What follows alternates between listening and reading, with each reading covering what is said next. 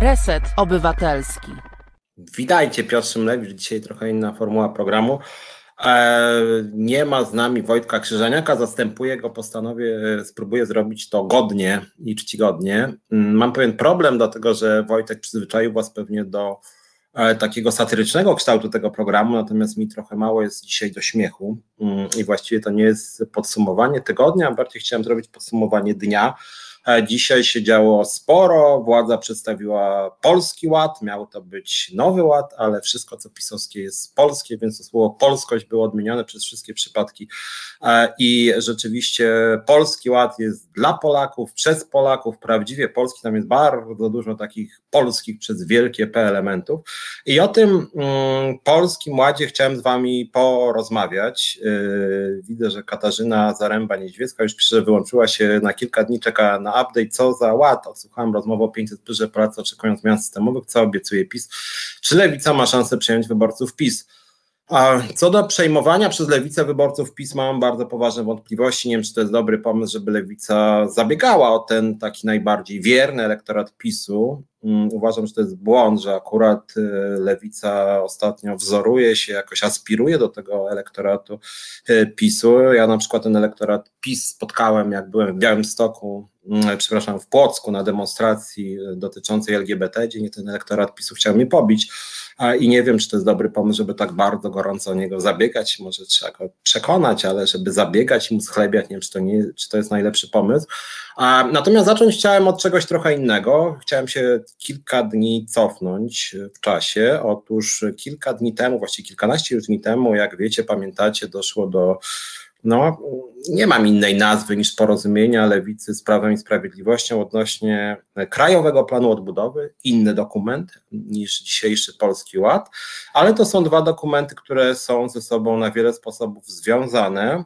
I uważam, że to porozumienie lewicy z PiSem było bardzo poważnym błędem, błędem e, strategicznym i błędem programowym. I niestety dzisiaj e, PiS pokazał lewicy, gdzie jest jej miejsce, i pokazał, że to był błąd. Umocnił też moje poczucie, że to był błąd, dlatego że jak ktoś oglądał dzisiejsze wystąpienia liderów Zjednoczonej Prawicy, to tam pieniądze e, i programy, które są w Krajowym Planie Odbudowy się również pojawiały i PiS uznał, że to jest po prostu część Polskiego Ładu. Te pieniądze, które są w Krajowym Planie Odbudowy zostały po prostu uczynione częścią programu Prawa i Sprawiedliwości i Jarosław Kaczyński de facto ogłosił, że każdy, kto poparł Krajowy Plan Odbudowy, poparł zarazem Polski Ład Prawa i Sprawiedliwości. Zresztą tam jest dużo takich sprytnych manipulacji, dlatego że te pieniądze unijne właściwie przez Kaczyńskiego zostały przedstawione jako pieniądze rządowe, tak, że rząd sobie, prawda, wymyślił te kilkaset y, miliardów y, złotych i że rząd właściwie te pieniądze załatwił, rząd zacznie je teraz rozdawać y, Polakom i Polkom. Oczywiście lewicy tutaj już nie ma w tej narracji,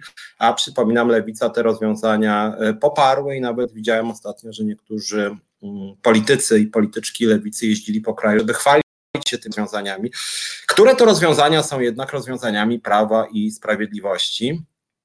Anna pisze, że nie dała rady słuchać mlaskania Kaczyńskiego. No rzeczywiście jakoś to mlaskanie tak u niego ewoluuje, no ale to gdyby mlaskanie było największą wadą prezesa Kaczyńskiego, to byłoby w sumie bardzo dobrze. No ma mm, moim zdaniem znacznie poważniejsze wady. E, zacząłem od tego krajowego planu odbudowy, bo wydaje mi się, że coś się ostatnio trochę złego stało w polskiej debacie publicznej. Nie wiem, czy pamiętacie, w Austrii swego czasu był taki polityk, który się nazywał Haider I wobec tego e, Hajdera była właściwie taki powszechny bojkot, tak w Austrii, jak i w Unii Europejskiej. Ostatecznie ten Hajder udało się go trochę spacyfikować. To był polityk skrajnej prawicy, prawicy faszyzującej, prawicy pod wieloma względami bliskiej e, PiSowi, nawiązującej do takiego dziedzictwa takich polityków jak Salazar, Franco. To nie będę mówił mocniej, że Hitler, ale generalnie wiele takich elementów nacjonalistycznych, ksenofobicznych i rzeczywiście tutaj PiS moim zdaniem też się odwołuje do tego typu e, idei. I niestety te rozmowy lewicy z PiSem trochę mm, odczarowały PiS i e, można powiedzieć, dały zielone światło PiSowi do traktowania tej partii jako takiej partii, która się mieści jakoś w demokratycznym porządku. A patrząc na działania PiSu, mam bardzo poważne wątpliwości. E, kilka przykładów powiem jako związkowiec. Otóż mm, mam bardzo poważne wątpliwości, czy z PiSem należy rozmawiać, chociażby dlatego, no, że nasze rozmowy jako, bo jestem, część z Was nie wie, jestem liderem Związkowej Alternatywy, takiego opozycyjnego bardzo związku zawodowego, no i nasze rozmowy zawsze pokazywały, że z tymi ludźmi nie należy rozmawiać, co najwyżej można z nimi rozmawiać o warunkach kapitulacji. Wydaje mi się, że tak właśnie należy z PiSem rozmawiać.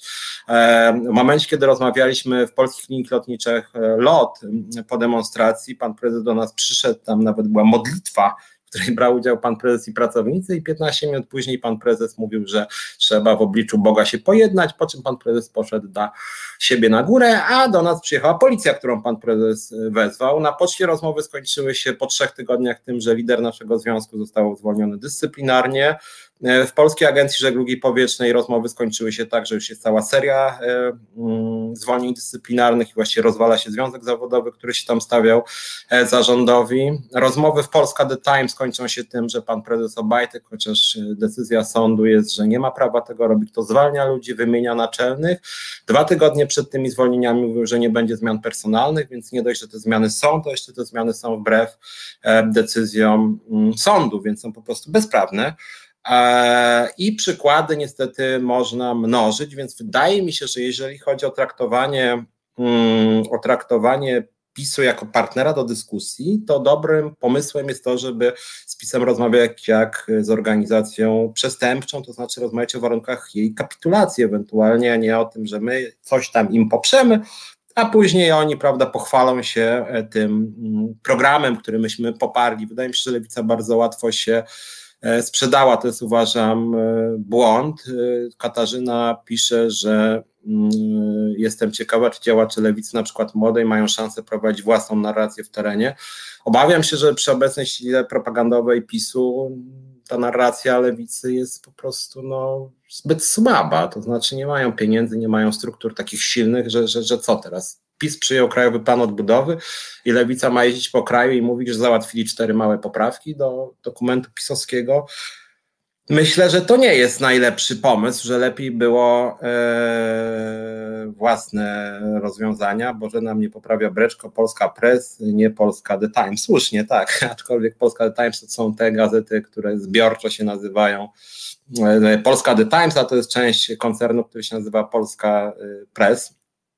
No, więc wydaje mi się, że tutaj to jest rzeczywiście po prostu błąd. Natomiast przechodząc do dokumentu zwanego Polskim Ładem, mm, więc tutaj zachęcam Was bardzo, żebyśmy dzisiaj o tym Polskim Ładzie porozmawiali. E, zacznę od takich elementów humorystycznych, chociaż one są właściwie bardzo smutne, no ale żeby tutaj widzę, że niektórzy tęsknią, pisze Tomasz Domrzał, że tęskni za Wojtkiem, więc próbuję przynajmniej kilka elementów humorystycznych dorzucić. Ja jestem taki ser, seriozny, poważny, tak. Mm, no cóż, ale jestem związkowcem, więc ta, ta władza raczej mnie przeraża niż e, budzi mój uśmiech. Mm, natomiast e, w tych e, wystąpieniach e, dzisiejszych Kaczyńskiego, Morawieckiego, Ziobry były elementy humorystyczne, takie bym powiedział tragikomiczne. Mianowicie nie wiem, czy zwróciliście uwagę, Morawiecki powiedział, pan nasz premier, że cały świat nie radzi sobie z epidemią poza Polską.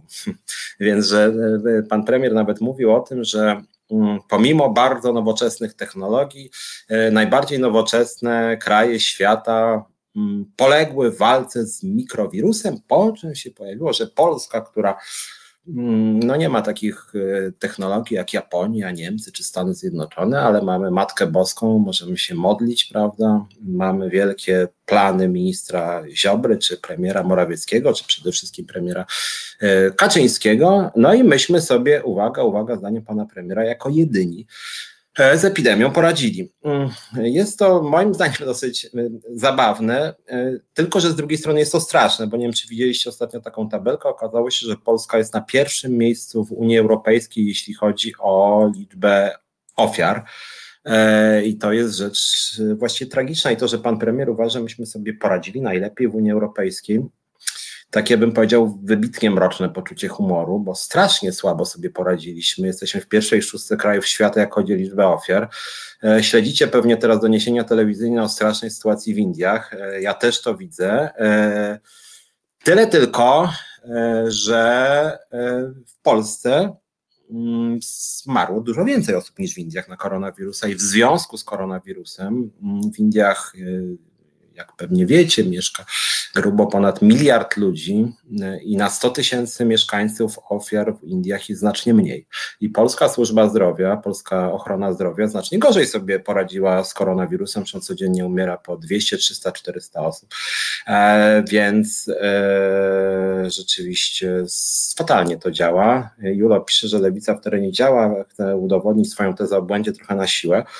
Mm, wrócimy jeszcze do tego, jak chodzi o kondycję e, lewicy. Szczerze powiedziawszy, uważam, że jednak broniłbym tej tezy, że to jednak był błąd. Jakbyście, jak widzieliście dzisiaj te wystąpienia e, Morawieckiego, Kaczyńskiego, Gowina, no to cały aparat państwowy mówi, wygrywamy, e, mamy konkretne pomysły, mamy konkretne pieniądze, mamy pieniądze z Unii Europejskiej, wdrażamy nasz program. Po czym widzę Zandberga czy Biedronia, którzy mówią, no wyrwaliśmy z tego programu pół procenta pieniędzy i być może za 4 lata uda się wybudować 70 tysięcy mieszkań.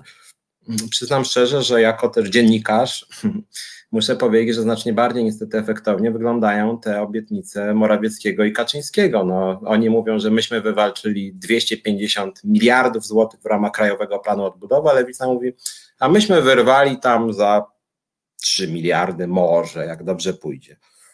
No nie wiem, szczerze powiedziawszy, wam to nie jest triumf lewicy, natomiast e, lewica złamała pewną barierę izolowania PiSu, co też dla wielu, dla dużej części lewicowego elektoratu jest trudne do zaakceptowania i przyznam, że dla mnie też. Dla mnie, który brał udział w negocjacjach z pisowskimi nominatami, zapewniam was, to jest bardzo nieprzyjemne i to jest e, też o tyle pozbawione sensu, że oni po prostu nie dotrzymują słowa, oni są całkowicie niewiarygodni e, i jeżeli się im ulega, to jest dla nich sygnał, że mogą po prostu dać po zębach, że mogą zrobić krok do przodu i skasować, więc wydaje mi się, że lewica się jeszcze natnie i zobaczy, jak bardzo jest to e, e, przegrana sprawa. Marek Jurkiewicz pisze, że Duduch użył określenia, że myśmy wynegocjowali pieniążki na szpitale.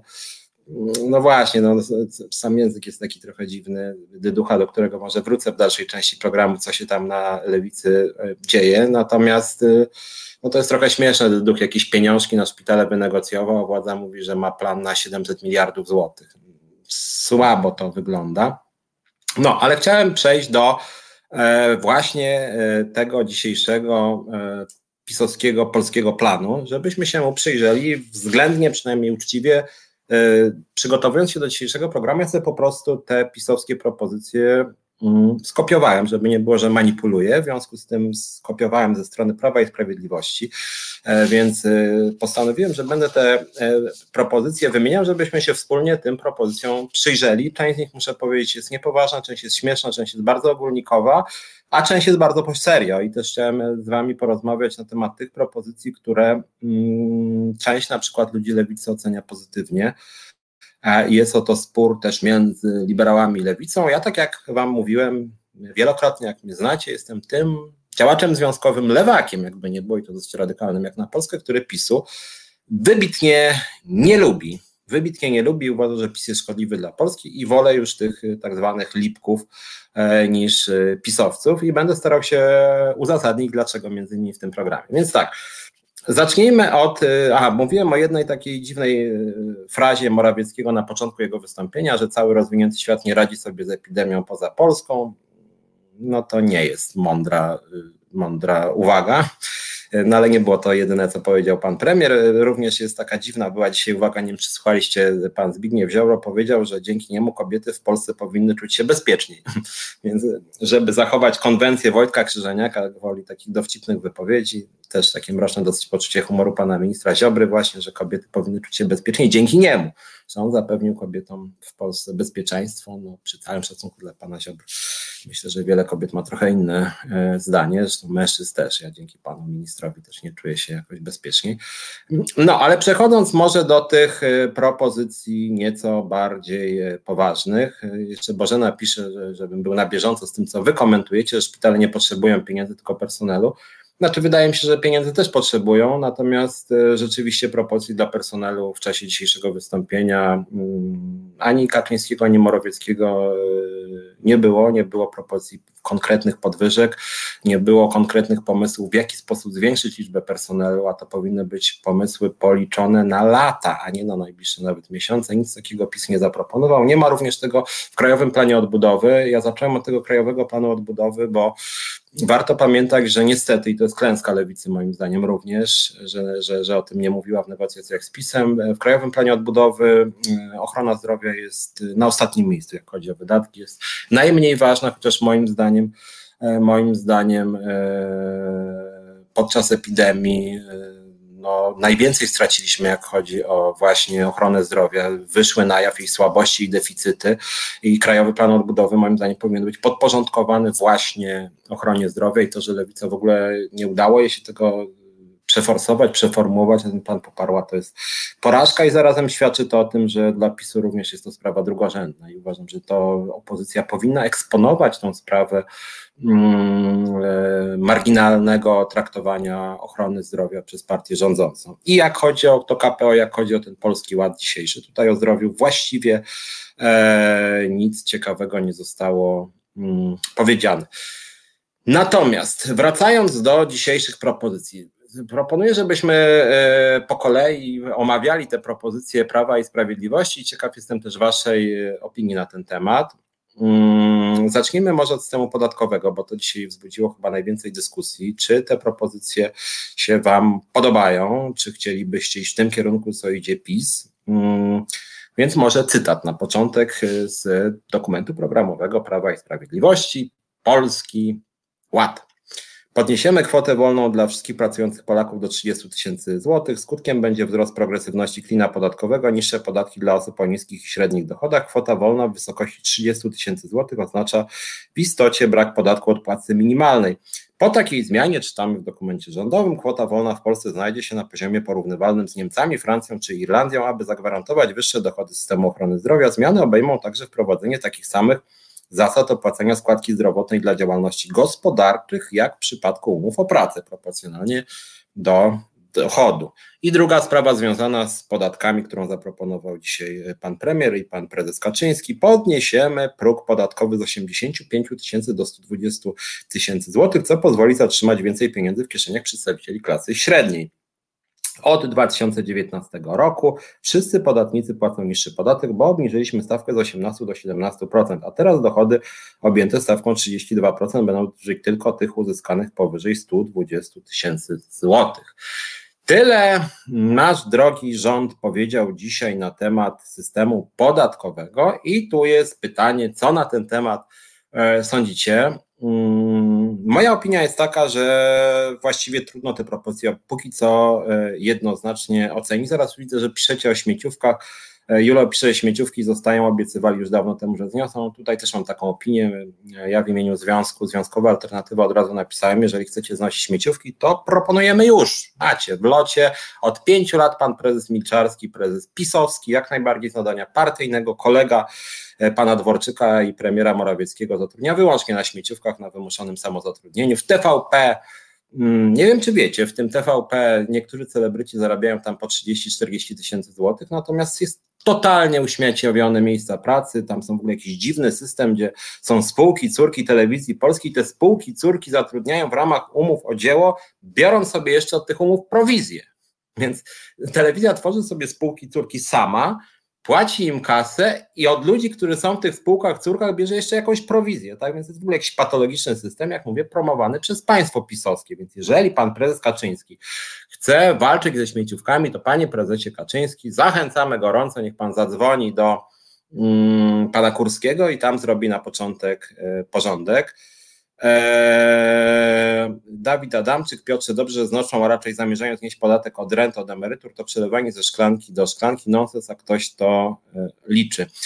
E, pozwólcie, że dwa słowa powiem na temat, e, na temat tego systemu podatkowego, co ja o tym myślę. Otóż jest tak, dzisiaj mamy rzeczywiście system dosyć skomplikowany i bardzo mało progresywny, to znaczy osoby um, ubogie płacą często wyższe podatki niż te osoby o wysokich dochodach co jest moim zdaniem e, patologiczne. Natomiast problem z tą propozycją pisowską jest taki, że nie do końca wiadomo, jak to ma w praktyce wyglądać. To jest pierwsza sprawa. Druga sprawa, jeżeli rzeczywiście PiS by wprowadził 30 e, tysięcy kwoty wolnej od podatku, Ja nie jestem e, politykiem, tym bardziej nie jestem posłem, ale jestem odpowiedzialnym człowiekiem. Mm, wprowadzenie kwoty wolnej 30 e, tysięcy złotych bez żadnych innych rozwiązań to są koszty dla budżetu rzędu 60 miliardów złotych. 60-70 miliardów złotych. Strasznie dużo. 60-70 mm, miliardów dla budżetu to są drogi, to są autostrady, to jest opieka zdrowotna też, bo z budżetu część pieniędzy też idzie na opiekę zdrowotną, to są, e, to jest administracja, to jest straż pożarna, to jest policja, to jest e, pomoc społeczna, e, to jest bardzo dużo bardzo ważnych rzeczy. W związku z tym trzeba jakoś zadość uczynić ten ubytek pieniędzy. Warto też, nie wiem czy wiecie, ale w Polsce jest taki system, że z podatku właśnie PIT, z podatku dochodowego są finansowane samorządy. Samorządy. Więc jeżeli obetniemy. Radykalnie podatki dochodowe i ze systemu podatków dochodowych zniknie kilkadziesiąt miliardów złotych, to będziemy mieli bankructwo samorządów. Będziemy mieli nawet nie tyle bankructwo samorządów, to będziemy mieli taki system, w którym pan premier będzie decydował, który samorząd nie zbankrutuje, a który samorząd zbankrutuje. W związku z tym, no, jeżeli tutaj jesteśmy za daleko idącymi obniżkami podatków dochodowych, to pamiętajmy o tym, że nawet obniżka podatku z 18 na 17%, co PiS się chwali, że obniżył, doprowadził do kryzysu w finansach wielu samorządów. Tym razem PiS chce znacznie bardziej obniżyć te podatki dochodowe. W związku z tym pytanie, co się stanie, co się stanie rzeczywiście z finansami samorządów? I to jest moje ważne pytanie. Drugie wydanie, pytanie ważne, bo dzisiaj o tym nie było. Pytanie jest takie, czy rząd chce rzeczywiście wprowadzić kwotę wolną 30 tysięcy złotych dla wszystkich? Czy to ma tak wyglądać, że 30 tysięcy złotych będziemy mieli kwoty wolne, a jeżeli na przykład będziemy mieli 40 tysięcy, będziemy zarabiać rocznie, bo chodzi o roczne zarobki, 40 czy 50 tysięcy, 40, czyli no nie za dużo, tak, 40 tysięcy podzielić na 12, 3 tysiące z małym hakiem, to pytanie jest takie, czy e, rosnące dochody będą sprawiały, że nam będzie malała kwota wolna, tak? Tak jak dzisiaj oni zrobili. Obiecywali, że wprowadzą kwotę wolną 8 tysięcy, potem się okazało, że te 8 tysięcy to jest tylko dla osób o dochodach poniżej płacy minimalnej. Więc pytanie, czy oni nie wprowadzą tego w ten sposób, bo dzisiaj nie było o tym mowy, że to 30 tysięcy będzie tylko dla osób zarabiających 30 tysięcy równo, tak? Natomiast jak ktoś będzie zarabiał 40 tysięcy, to będzie już miał kwotę wolną na przykład tylko 20 tysięcy, tak? Jak 50 tysięcy to 10 tysięcy, a jak 60 tysięcy to, to co jest dzisiaj, czyli 3 tysiące. Wydaje mi się, że coś takiego PiS może zrobić, bo czytam, że ubytek ma być 12 e, miliardów tylko na tej reformie podatkowej. No szczerze powiedziawszy, w ogóle mi się to jakby nie, nie liczy. Czytałem różne opinie ekspertów, sam się trochę temu przyglądałem. To są raczej kwoty rzędu 60-70 miliardów ubytku, więc moim zdaniem będą chcieli mm, będą chcieli skądś zdobyć pieniądze. Boże napisze, że te kwoty zostaną wchłonięte przez składkę zdrowotną. I teraz druga część tej reformy podatkowej. PiS mówi, że e, nie chce wchodzić w szczegóły polskiego systemu podatkowego, ale hasłowo PiS mówi, że wyjmie e, składkę zdrowotną z podatku, bo dzisiaj większość składki zdrowotnej jest odpisywana od podatku dochodowego znowu, więc płacąc podatek dochodowy płacimy na ochronę zdrowia, a PiS mówi tak, wyjmiemy te pieniądze, które dotychczas były w podatkach y, na ochronę zdrowia i to będzie jakby oddzielny podatek na zdrowie w wysokości 9%. I teraz pytanie, jak on ma być ten podatek funkcjonować, bo jeżeli ten podatek 9% y, na zdrowie, y, składka zdrowotna, będzie oddzielny i będzie dotyczył całego dochodu, całego, to się okaże, że dla większości również ubogich osób e, będą te podatki wyższe niż obecnie, dlatego że będzie tak, że na przykład zarabiam, nie wiem, 3000 brutto miesięcznie i będę miało 3000 brutto podatek 9%, 9, czyli to składka zdrowotna, tak? I wtedy, co prawda, będzie kwota wolna od podatku 30 tysięcy, a od składki zdrowotnej nie będzie wolne 30 tysięcy. No i to jest pytanie, czy oni chcą tą składkę zdrowotną od całości dochodu, czy nie od całości.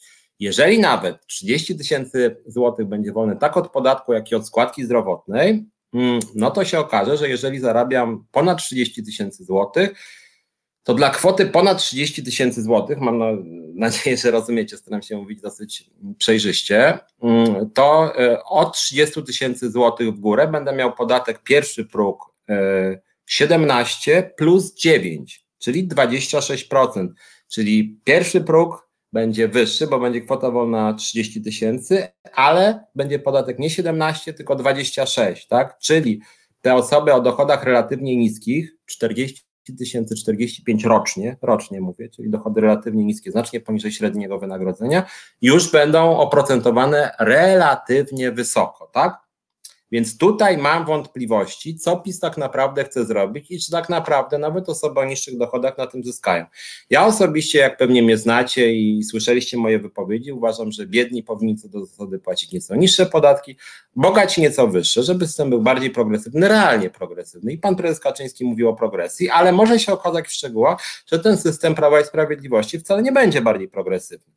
Druga sprawa, pan prezes Kaczyński podniósł, mówi, że podniesie próg, próg podatkowy z 85 tysięcy do 120, tak? Czyli dotychczas było tak, że jak się przekroczyło dochód roczny 85 tysięcy, czyli 7 tysięcy mniej więcej, trochę ponad 7 tysięcy mm, miesięcznie, to się wchodziło w próg 32%. PiS przesuwa go na yy, 10 tysięcy miesięcznie, czyli 120 tysięcy rocznie tak naprawdę obniża podatki dla osób o relatywnie wysokich dochodach, tak? Tych, którzy zarabiają między 85 i 120 tysięcy złotych. Czy rzeczywiście to jest grupa osób, które mało zarabiają?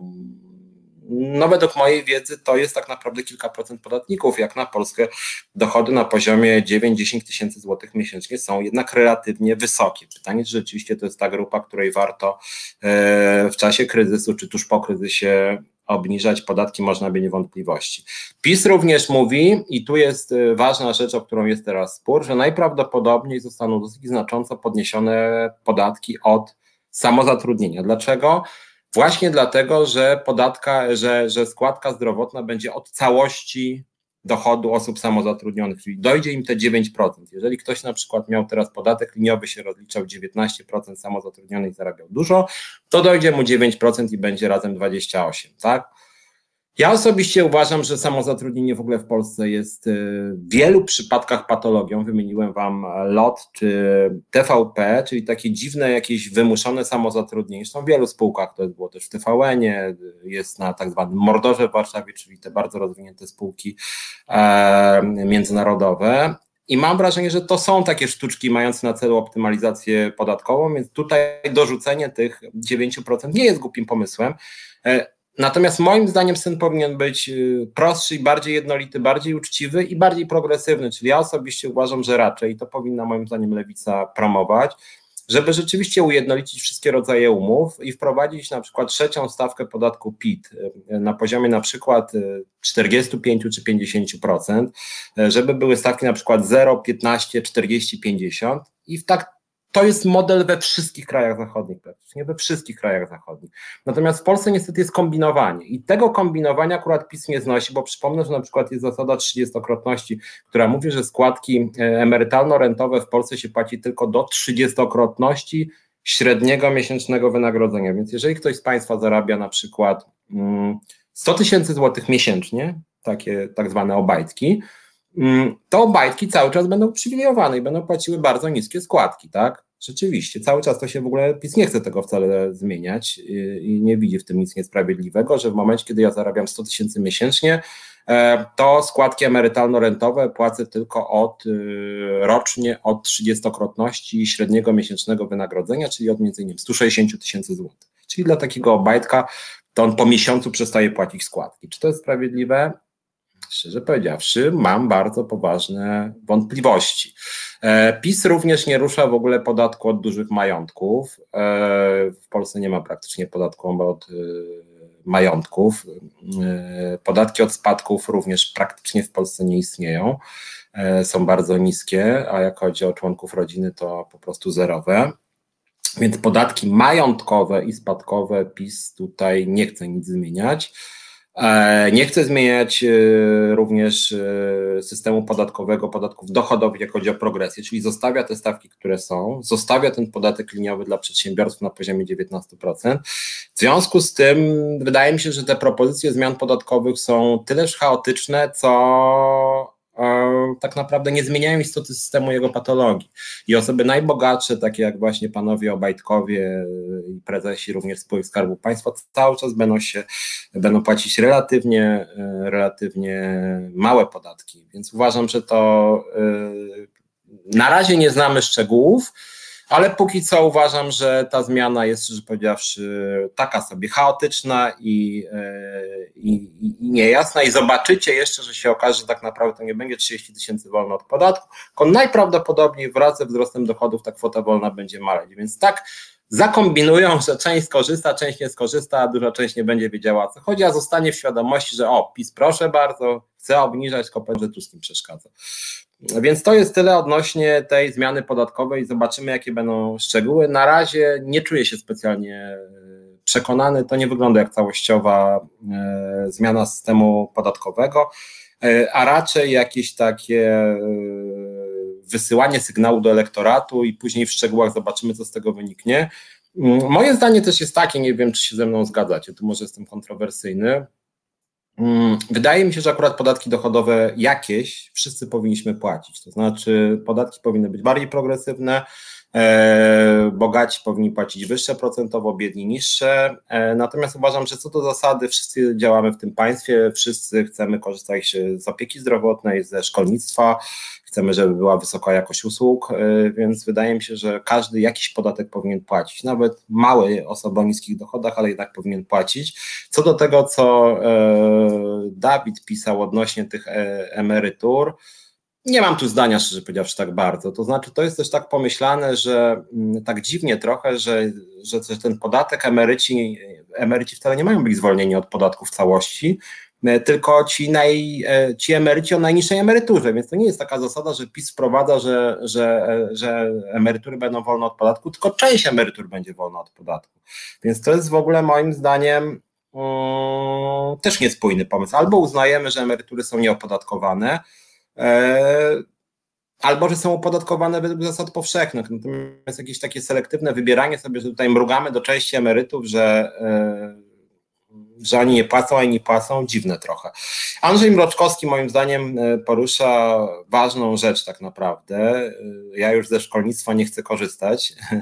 Brzmi trochę populistycznie i skrótowo, ale jakby ta uwaga jest moim zdaniem bardzo ważna. To znaczy wydaje mi się, że jest problem dzisiaj i mówię to jako socjaldemokrata, którego serce krwawi, E, mianowicie PiS tak strasznie naruszył zaufanie do państwa i tak strasznie kradnie i tak strasznie marnuje środki publiczne, tak strasznie rozdaje tym wszystkim obajtkom, e, tym wszystkim ryzykom, tym wszystkim jakimś kolegom, rodzinom, krewnym, znajomym, że niestety legitymizacja podatków się trochę zachwiała. Mm, mam kłopot rzeczywiście, że to rozdawanie pieniędzy swoim kolegom i koleżankom e, trochę mm, jakby zaczynam rozumieć złość ludzi, którzy krytykują jakiekolwiek podwyżki podatków, tak? Dlatego, że jeżeli mamy państwo, które bezczelnie e, robi, mówiąc kolokwialnie, skok na kasę, no to faktycznie dlaczego my mamy te podatki płacić? Ja muszę też powiedzieć, że jako, e, jako osoba, która e, nie ma dzieci, nie żyje w związku małżeńskim, to ta władza nie oferuje mi dokładnie nic. Płacę podatki,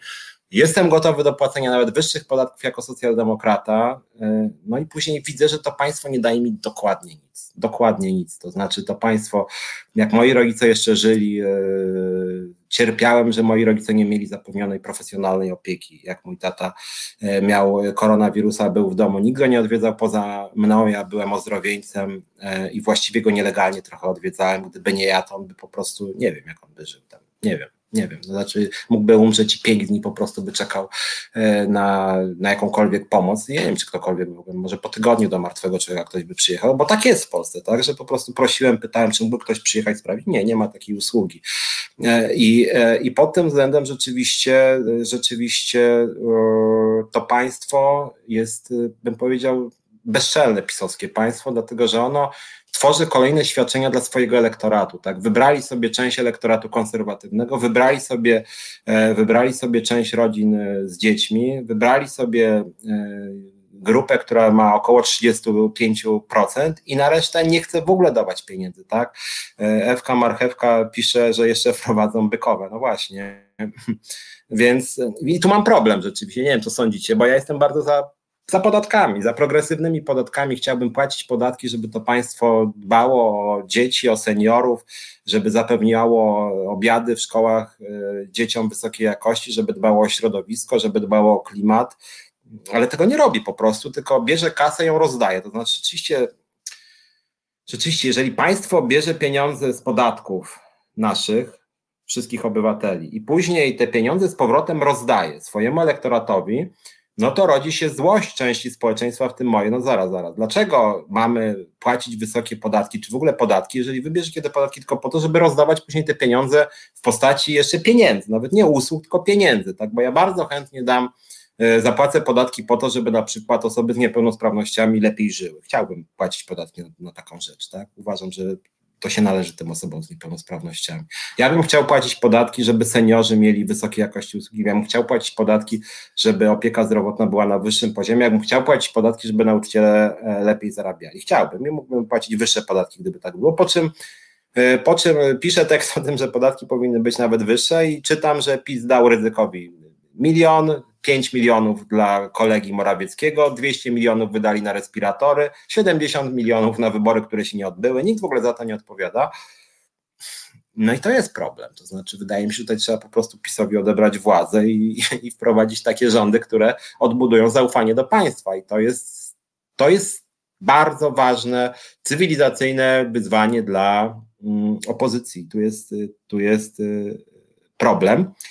Eee, no, więc, więc, więc, więc tutaj mam rzeczywiście z tym takie wyzwanie. Nie wiem, jak macie jakiś pomysł, co z tym fantem zrobić, to znaczy jak odbudować zaufanie do państwa po tym, co PiS z tym państwem robi, no to jest moim zdaniem kluczowe wyzwanie dla opozycji. I ja dlatego mam pretensje, jeżeli już y, rozmawiamy chwilę o opozycji, mam pretensje do całej opozycji, do lewicy, do platformy, do PSL-u, do Hołowni, że trochę się licytują E, z pisem tak naprawdę, że kupują te wszystkie prezenty i traktowanie po prostu państwa jako łupu. Ja nie rozumiem, dlaczego cała opozycja właściwie poparła jakąś 13, 14 emeryturę, jakieś rozdawanie pieniędzy na lewo i prawo, zamiast popierać usługi publiczne, mówię to jako socjaldemokrata, zamiast popierać inwestycje w opiekę senioralną, tak, zamiast popierać e, budowanie nowych żłobków, tak, nie, rozumiem, dlaczego opozycja tutaj dała się jakoś PiSowi zaszantażować. Słusznie Bożena Breczko pisze, że w Skandynawii są wysokie podatki, ale z tego są mm, usługi publiczne wysokiej jakości finansowane. I tu jest moim zdaniem e, kluczowa sprawa. Anna S. pisze pesymistycznie, że nie da się odbudować zaufania mm, do państwa. Również pesymistycznie Andrzej Mroczkowski, że nie ma takiej siły, która mogłaby PiSowi władzę odebrać. E, nie wiem, szczerze powiedziawszy. Ja tu jestem jednak y, odrobinę może większym optymistą, y, bo wydaje mi się, że tutaj po prostu opozycja powinna mieć jakąś odwagę, żeby zaprezentować alternatywę. Chciałem tej alternatywy przejść y, pod koniec programu, a najpierw przyjrzeć się tym propozycjom Polskiego Ładu, no bo niestety to akurat PiS przedstawił swój program, a nie opozycja, więc chciałem o tym porozmawiać. Dominik Jarek, jeśli ktoś wierzy, że jeżeli w Polsce z wyższych podatków będą lepsze usługi publiczne, to sorry, ale jest naiwny. No tak, ale no niestety muszą być dodatkowe pieniądze, jeżeli chcemy wysokiej jakości edukacji czy opieki zdrowotnej. No nie ma po prostu bez pieniędzy wyższej jakości służby zdrowia czy edukacji. No nie ma. Na opiekę zdrowotną wydajemy prawie najmniej w Unii Europejskiej. No to jest też kwestia na przykład płac dla y, personelu medycznego. PiS żadnych konkretów tutaj nie przedstawił w tej dziedzinie, podobnie żadnych konkretów odnośnie wyższych wynagrodzeń dla nauczycieli, dla pracowników socjalnych, a to są kluczowe zawody tak naprawdę też w związku z epidemią koronawirusa. E, tutaj e, Danuta napisała bak, że póki co PiS zniszczył oddziały geriatryczne w ramach opieki senioralnej. No i właśnie, to są ważne sprawy. I takie sprawy powinna nagłaśniać między innymi mm, opozycja, powinna to punktować, powinna pokazywać, wyniszczyć oddziały geriatryczne, a my uważamy, że nawet zamiast części 500 plus trzeba odbudować oddziały geriatryczne i miliardy w nie władować, miliardy, bo to są konkretne ludzkie dramaty, konkretne sprawy, konkretne wyzwania. To powinna być alternatywa wobec tego rozdawania pieniędzy przez PiS i to powinno wybrzmieć, a nie, że opozycja mówi, no dobra, w sumie tu jest fajnie, że dali 13 emeryturę, że dali jeszcze tam 500 plus, a jeszcze lewica słyszę, że chce, żeby było nie 500 plus, a 700 plus. No jeżeli tak się będzie po prostu opozycja licytować z władzą w ramach logiki władzy, no to PiS jest oryginałem, to PiS wygra takie, e, takie e, wybory. Bożena Preczko pisze, że nie ma e, zaufania do państwa pisowskiego. Jak pojawi się partia, która zdobędzie moje zaufanie, to je będzie miała. No tak, właśnie pytanie, co opozycja powinna zrobić, żeby odbudować. Na, na, na, pewno powinna przynajmniej stawiać na jakieś kwestie związane z usługami publicznymi. Ale chciałem wrócić, wrócić e, na chwilę przynajmniej do tego, co mówił dzisiaj pan prezes Kaczyński pan premier Morawiecki. Uwaga, uwaga, powiedział pan premier Kaczyński, o ile pamiętam, e, i to jest też w programie e, PiSu. Ograniczymy wykorzystanie umów cywilnoprawnych Między innymi dzięki pełnemu składkowaniu umów zlecenia z perspektywą wprowadzenia jednego kontraktu na pracę. Ja tak jak Wam mówiłem, mm, ja od razu zaapelowałem do Pana Premiera. Jeżeli Pan Premier nas ogląda, czy ktokolwiek z Prawa i Sprawiedliwości, to moi drodzy koledzy i koleżanki z PiSu, mm, bardzo Was nie lubię, ale jeżeli chcecie być wiarygodni, no to zróbcie coś, żeby pokazać, że naprawdę chcecie z tymi śmieciówkami walczyć. Macie LOT, macie TVP, macie różne spółki Skarbu Państwa, gdzie tych śmieciówek jest strasznie dużo, więc jeżeli uważacie, że to jest patologia, no to zachęcam. Skasujcie te śmieciówki. Jednorazowo nawet w locie wszystkie osoby na samozatrudnieniu niech przejdą od 1 czerwca na umowy etatowe. Myśmy to jako związek zgłaszali wielokrotnie, więc panie premierze czekamy.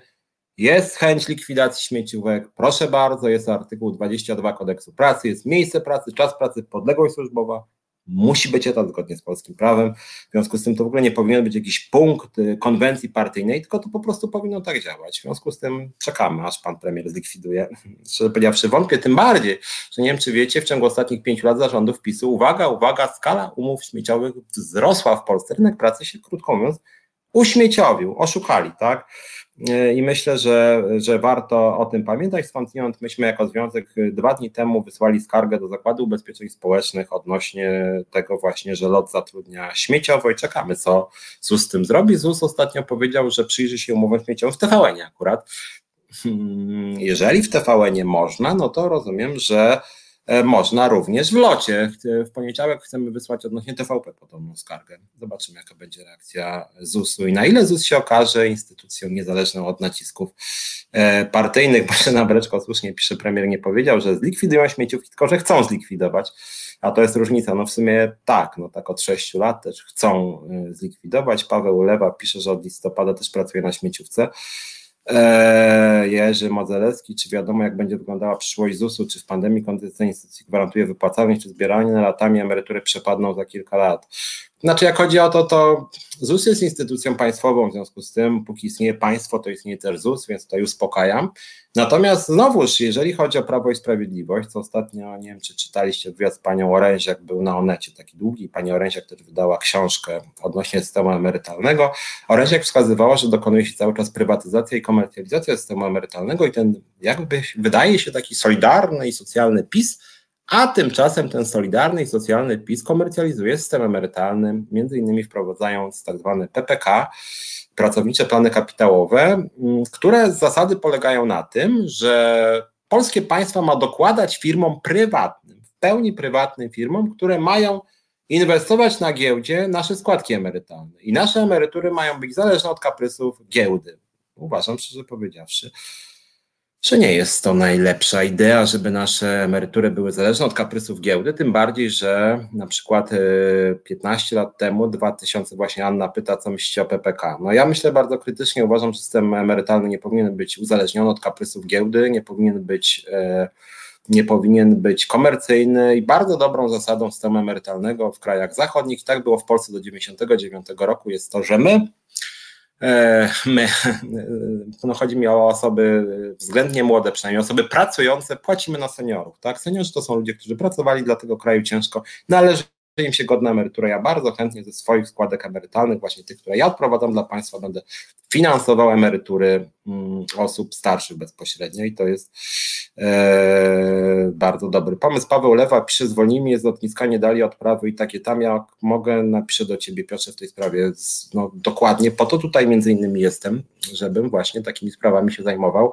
e, więc napisz do mnie, w ogóle nie prowadziłem jeszcze programu w sobotę o godzinie 21, więc jeżeli są tu nowe osoby, więc bardzo, bardzo zachęcam Was, żebyście pisali. Jestem wszystkim związkowcem, jak ktoś mnie nie zna, jestem liderem Związku Zawodowego Związkowa Alternatywa, który między innymi stara się pomagać ludziom właśnie, jak są zwalniani z pracy, jak się ich oszukuje, jak się ich wyzyskuje, jak się ich zatrudnia w ramach umów śmieciowych, kiedy powinny być e, etaty. W związku z tym koniecznie zachęcam, żebyś do mnie pisał, a przy okazji oczywiście zachęcam Was wszystkich, żebyście wstępowali do mnie do związku i żebyście zobaczyli swoje sprawy, pisz na adres na przykład biuromałpa.za.org.pl biuro małpa.za.org.pl mm, albo mój y, adres y, nieco prywatny, tylko jako przewodniczącego związku szumlewicz małpa za.org.pl postaramy Ci się pomóc, a szczególnie w transporcie lotniczym działamy. Największy Związek Lotowski do nas należy do Związkowej Alternatywy e, i również jak chodzi o lotnisko, to się boksowaliśmy e, z lotem nie wiem, czy wiecie, niedawno porty lotnicze wycofały pozew przeciwko mnie, pozwali mnie na mniej więcej milion złotych i się wycofali. Wcześniej lot się wycofał, pozwał mnie na 200 tysięcy i też się wycofał.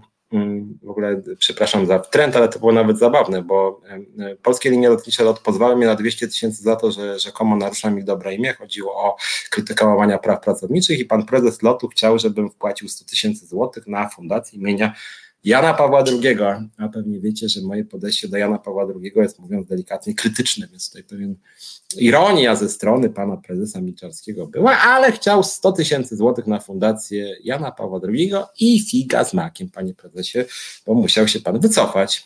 Wycofał pan pozew i fundacja Jana Pawła II nic nie dostała.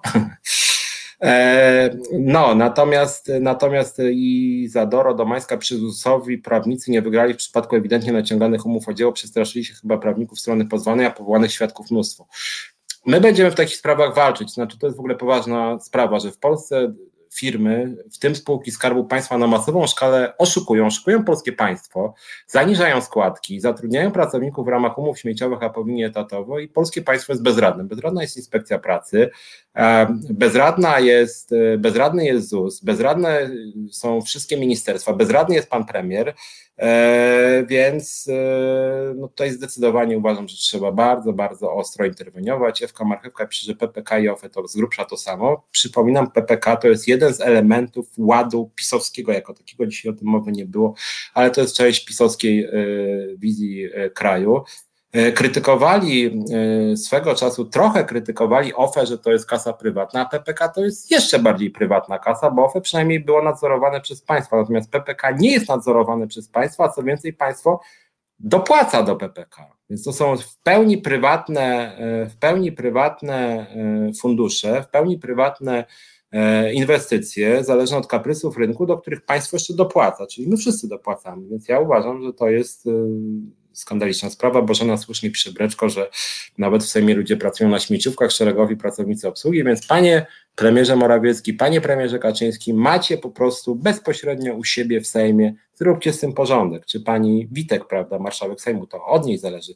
Więc jak walczycie ze śmieciówkami, no to walczcie ze śmieciówkami. Proponuję, żeby na przykład od 1 czerwca wszystkie śmieciówki z Sejmu znikły po prostu i zobaczymy, jacy wy jesteście wiarygodni. Wracając do tego, bo, bo jest sporo tych propozycji PiSu, chciałem kilka z nich Wam e, tutaj mm, e, przeczytać, co PiS proponuje w tym swoim mm, nowym expose, w tej swojej nowej e, wizji. Dużo jest takiego pustosłowia i przyznam szczerze, że denerwuje mnie to w programie PiSu, że oni wzięli sobie, nie wiem, jakieś takie trzy propozycje, które mocno brzmią i strasznie dużo wodolejstwa, strasznie dużo wodolejstwa. Przykładowo, program ma na celu, nie wiadomo jaki, zwiększenie stabilności zatrudnienia młodych osób przez inwestycje w ich kompetencje i dostarczenie kompleksowego wsparcia zawodowego, czytam ze strony PiSu i tego Polskiego Ładu. Program będzie kierowany do osób poniżej 30 roku życia, a w jego realizację włączone zostaną urzędy pracy we współpracy z instytucjami szkoleniowymi. W pierwszym etapie urzędy pracy będą współpracować z osobami młodymi w procesie planowania dalszej ścieżki kariery, zapewniając profesjonalne doradztwo zawodowe. W drugim etapie każdemu uczestnikowi programu przysługiwać będzie bon szkoleniowy, który można będzie zrealizować w wybranych instytucjach szkoleniowych w celu podniesienia bądź zmiany kwalifikacji. Co to jest? Przepraszam bardzo. Czyli co? Skończyłem szkołę, jakąś tam, jakąś tam, nie wiem, dajmy na to liceum, większość kończy młodych ludzi. E, później, nie wiem, idę na studia. I co oni mi dają? Przepraszam bardzo, czytam, że będą ze mną gadać że, że dostanę jakiegoś człowieka, który będzie ze mną rozmawiać o planowaniu mojej ścieżki kariery. No i powiem, no nie wiem, chcę być naukowcem. I co on mi powie? No super, no to pogadajmy o tym. Co to, to ma być program? Przepraszam bardzo. Znaczy, tutaj nie ma dokładnie nic. E, dalej, stworzymy system zachęt dla firm, aby we współpracy ze strefami ekonomicznymi otwierały swoje filie w mniejszych miastach. Wśród przedsiębiorstw będziemy promować pracę zdalną, aby pracownicy z mniejszych ośrodków mogli znaczną część pracy wykonywać bez potrzeby dojeżdżania. Czyli co? No, przepraszam bardzo, czyli, czyli co? Czyli nie jest napisane, o jakie zachęty chodzi.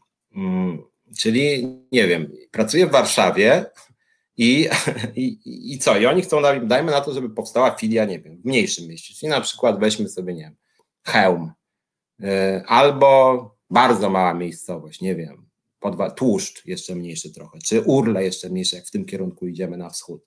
No i co? Że ja będę w Warszawie siedział i praca zdalna, będę się kontaktował z kim w tych urlach? No, przepraszam bardzo żadnego konkretu tu nie ma, to są takie bajeczki. Tutaj powiedz Piotrze, że masz program w środę o 17 w resecie, więc pisze Julo, y, więc zachęcam też oglądajcie mój program w środę w resecie Czas na Związki, a mówię to o tym dlatego, że jeżeli byście chcieli y, pogadać o sprawach stricte pracowniczych, jeżeli macie jakieś problemy, jeżeli ktoś was y, mobbinguje, prześladuje, zwalnia, zastrasza w pracy, to ja bardzo, bardzo Was zachęcam. Jak mówiłem, wstępujcie do Związkowej Alternatywy, ale też w środę o 17 piszcie o swoich problemach pracowniczych, chętnie Wam pomogę, bo dzisiaj chciałem e, w imieniu towarzysza Krzyżaniaka pogadać o tym, co tam słychać, e, no szczególnie właśnie mm, w sprawie tego Polskiego Ładu, a w środę bardziej mówię o takiej tematyce stricte, e, stricte pracowniczej. Ewka Marchewka pisze, no właśnie, promuje hodować pietruszkę zdalnie. No więc właśnie też mi się wydaje, że to trochę bzdurnie brzmi bez żadnego konkretu Bożena pisze, że urzędy pracy dawały osobistego asystenta każdemu do pomocy w znalezieniu zatrudnienia. To nie trzeba chyba asystentów zatrudnienia, tylko trzeba po prostu tworzyć nowe miejsca pracy, stawiać na jakieś branże i tam no i tam tworzyć te miejsca pracy. Czyli na przykład to są też, nie wiem, promowanie nowych wzorców prestiżu, na przykład brakuje pielęgniarek, brakuje lekarzy, brakuje w ogóle pracowników służby zdrowia i pracowników opieki szeroko rozumianej, senioralnej w ogóle prawie w Polsce nie ma, żłobkowa kuleje. W związku z tym trzeba przekierować całą gospodarkę, żeby miejsca pracy tam powstawały, a nie miejsca pracy zdalne, czyli co, że co będzie, tak jak mówię, nie wiem, z Warszawy będę dzwonił do kogoś w tłuszczu, że co. No brzmi to po prostu e, słabo. E, mam pytanie Katarzyna Zaręba-Niedźwiecka, bo zgaduję, że pan Piotr czytał KPO, czy tam są podobne bajeczki, zakładam, że tak, czy nasze podejście to trzymanie kciuków, że Unia przypilnuje PiS. Czytałem pierwszą wersję KPO i jestem w trakcie czytania tej drugiej, która ma stron 500, pierwsza miała 300. E, tam jest strasznie dużo ogólników. E, powiem tak, Unia Europejska nie pozwoli na to, żeby, nie wiem, żeby PiS, nie wiem, rozdał sobie pieniądze, tak jak wyrzucili na respiratory, czy wyrzucili na e, wybory, które się nie, odby nie, nie odbyły.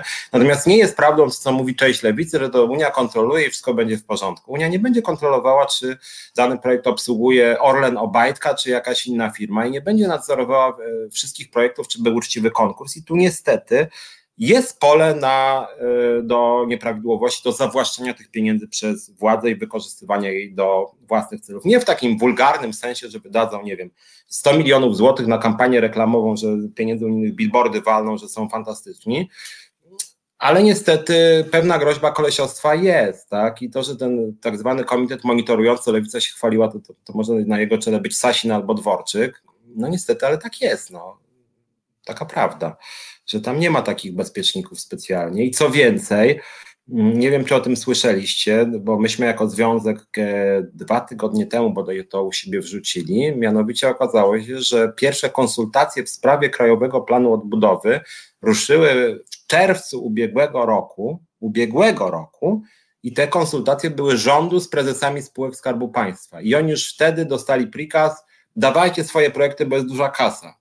I bardzo duża część Krajowego Planu Odbudowy to są projekty prezesów spółek Skarbu Państwa pisowskich. I jest tu problem. Znaczy jest tu problem i to, że Lewica mówi, że nie ma problemu, bo to kasa unijna dla dobra Polski. No nie do końca. No. Oczywiście spółki Skarbu Państwa odgrywają pewną rolę w rozwoju kraju, no tylko że oni jakby pozwolili tym prezesom spółek Skarbu Państwa, żeby sobie rozpisywali to KPO na własne potrzeby. No i tutaj te elementy propagandowe, no niestety są, tym bardziej, że te spółki Skarbu Państwa również, jak wiemy, ładują kasę w propagandę. Patrz, pan prezes Obajtek, który właśnie przejął Polska Press.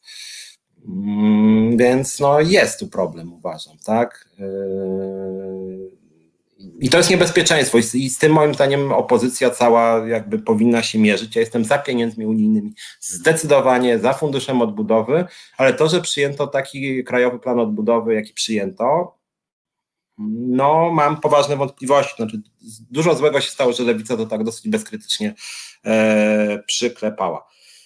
E, kolejna sprawa w tym planie. Dzięki polityce gospodarczej rządu Zjednoczonej Prawicy czytamy w planie Zjednoczonej Prawicy w ciągu ostatniej kadencji ponad 100 tysięcy Polaków wróciło do kraju, może być ich jednak więcej. Powracający Polacy będą mogli wskazać w zeznaniach podatkowych kwotę do opodatkowania niższą o 50 tysięcy złotych, podobnie w 2023 roku.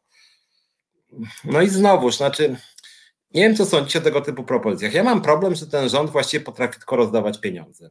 Ja od państwa, szczerze powiedziawszy, nie oczekuję, żeby państwo rozdawało głównie pieniądze. Jeżeli państwo chce, żeby ludzie mieli więcej pieniędzy w kieszeniach, no to jest polityka podatkowa, która służy temu, że jeżeli na danym obszarze państwo uważa, że ludzie lepiej wydadzą pieniądze niż państwo, no to wtedy obniża jakiś podatek, tak? Jakiś.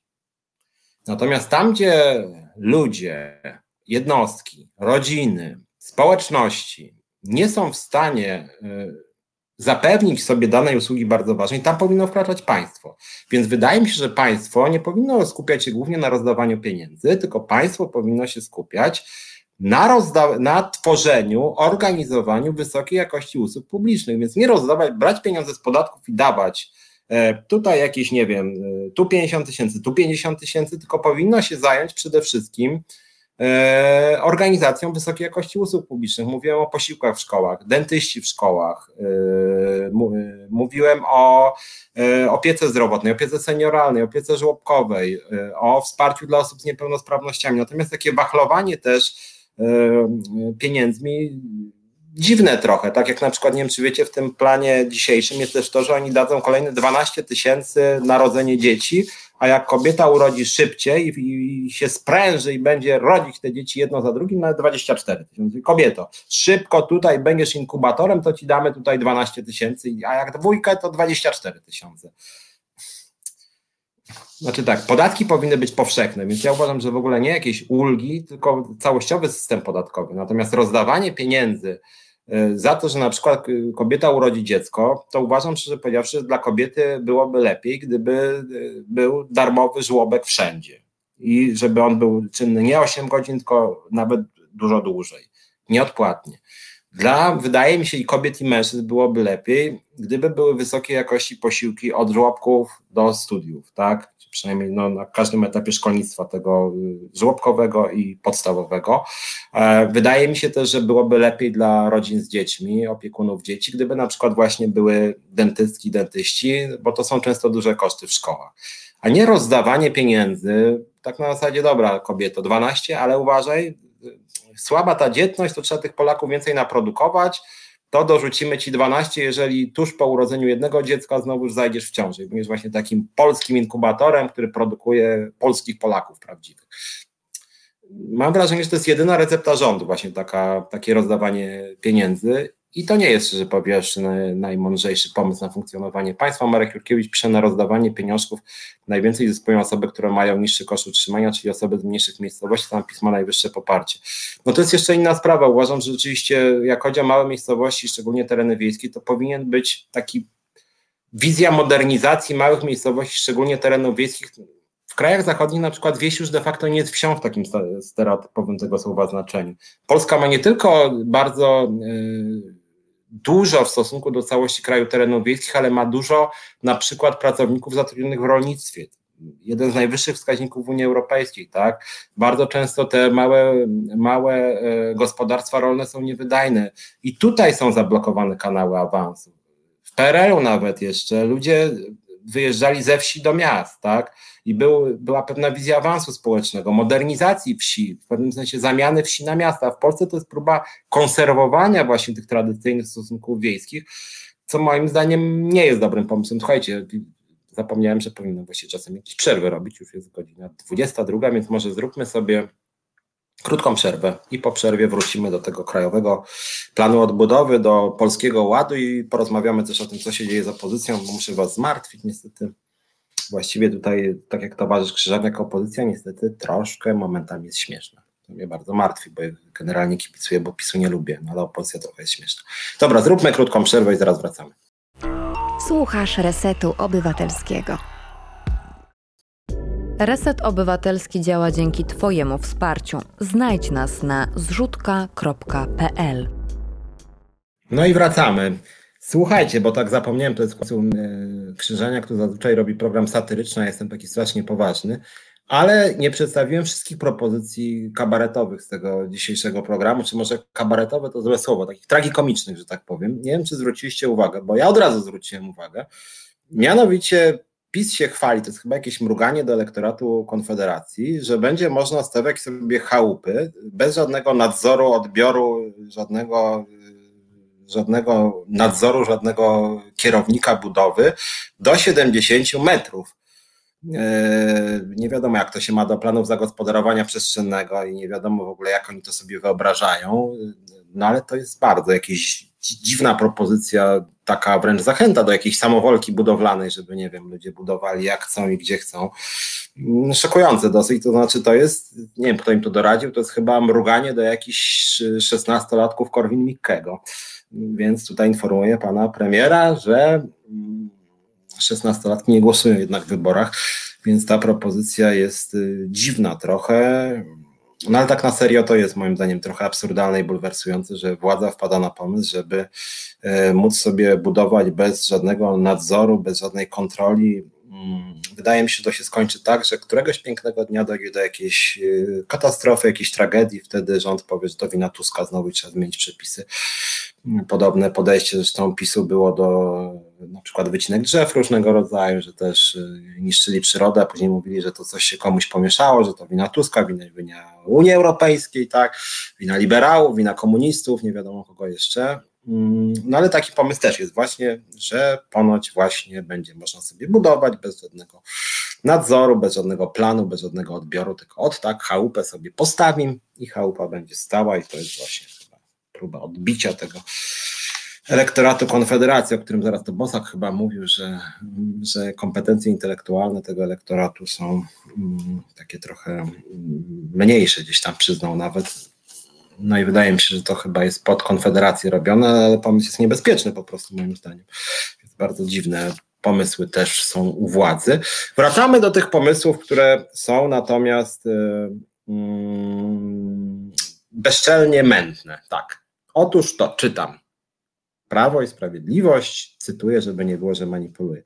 500 tysięcy nowych miejsc pracy. Nie wiem, czy pamiętacie, pan premier Morawiecki powiedział, że uratował 5 milionów miejsc pracy swoimi tarczami.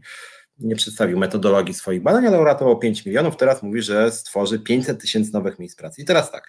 W czasie kryzysu, cytuję, państwo musi wziąć na siebie rolę głównego inwestora. Dzięki emisji obligacji rozwojowych możliwe będzie uruchomienie przez Bank Gospodarstwa Krajowego funduszu powstanie nowy fundusz, który po ustaniu pandemii sfinansuje odbudowę i modernizację kraju. Te środki, oprócz 770 miliardów złotych w ramach polityki spójności funduszu odbudowy, nie ma tu mowy o Unii Europejskiej, tylko tak pieniążki się pojawiły, posłużą do osiągnięcia europejskiego poziomu życia. Fundusz Polski Ład da nie tylko impuls rozwojowy, ale także realnie zmieni jakość życia mieszkańców zarówno dużych, jak też średnich i małych miast. Będzie wspomagał finansowo następujące zadania i tu nowoczesna infrastruktura, transport, usługi publiczne, cyfrowa Polska, czysta energia, inwestycje w Twój dom. Koniec.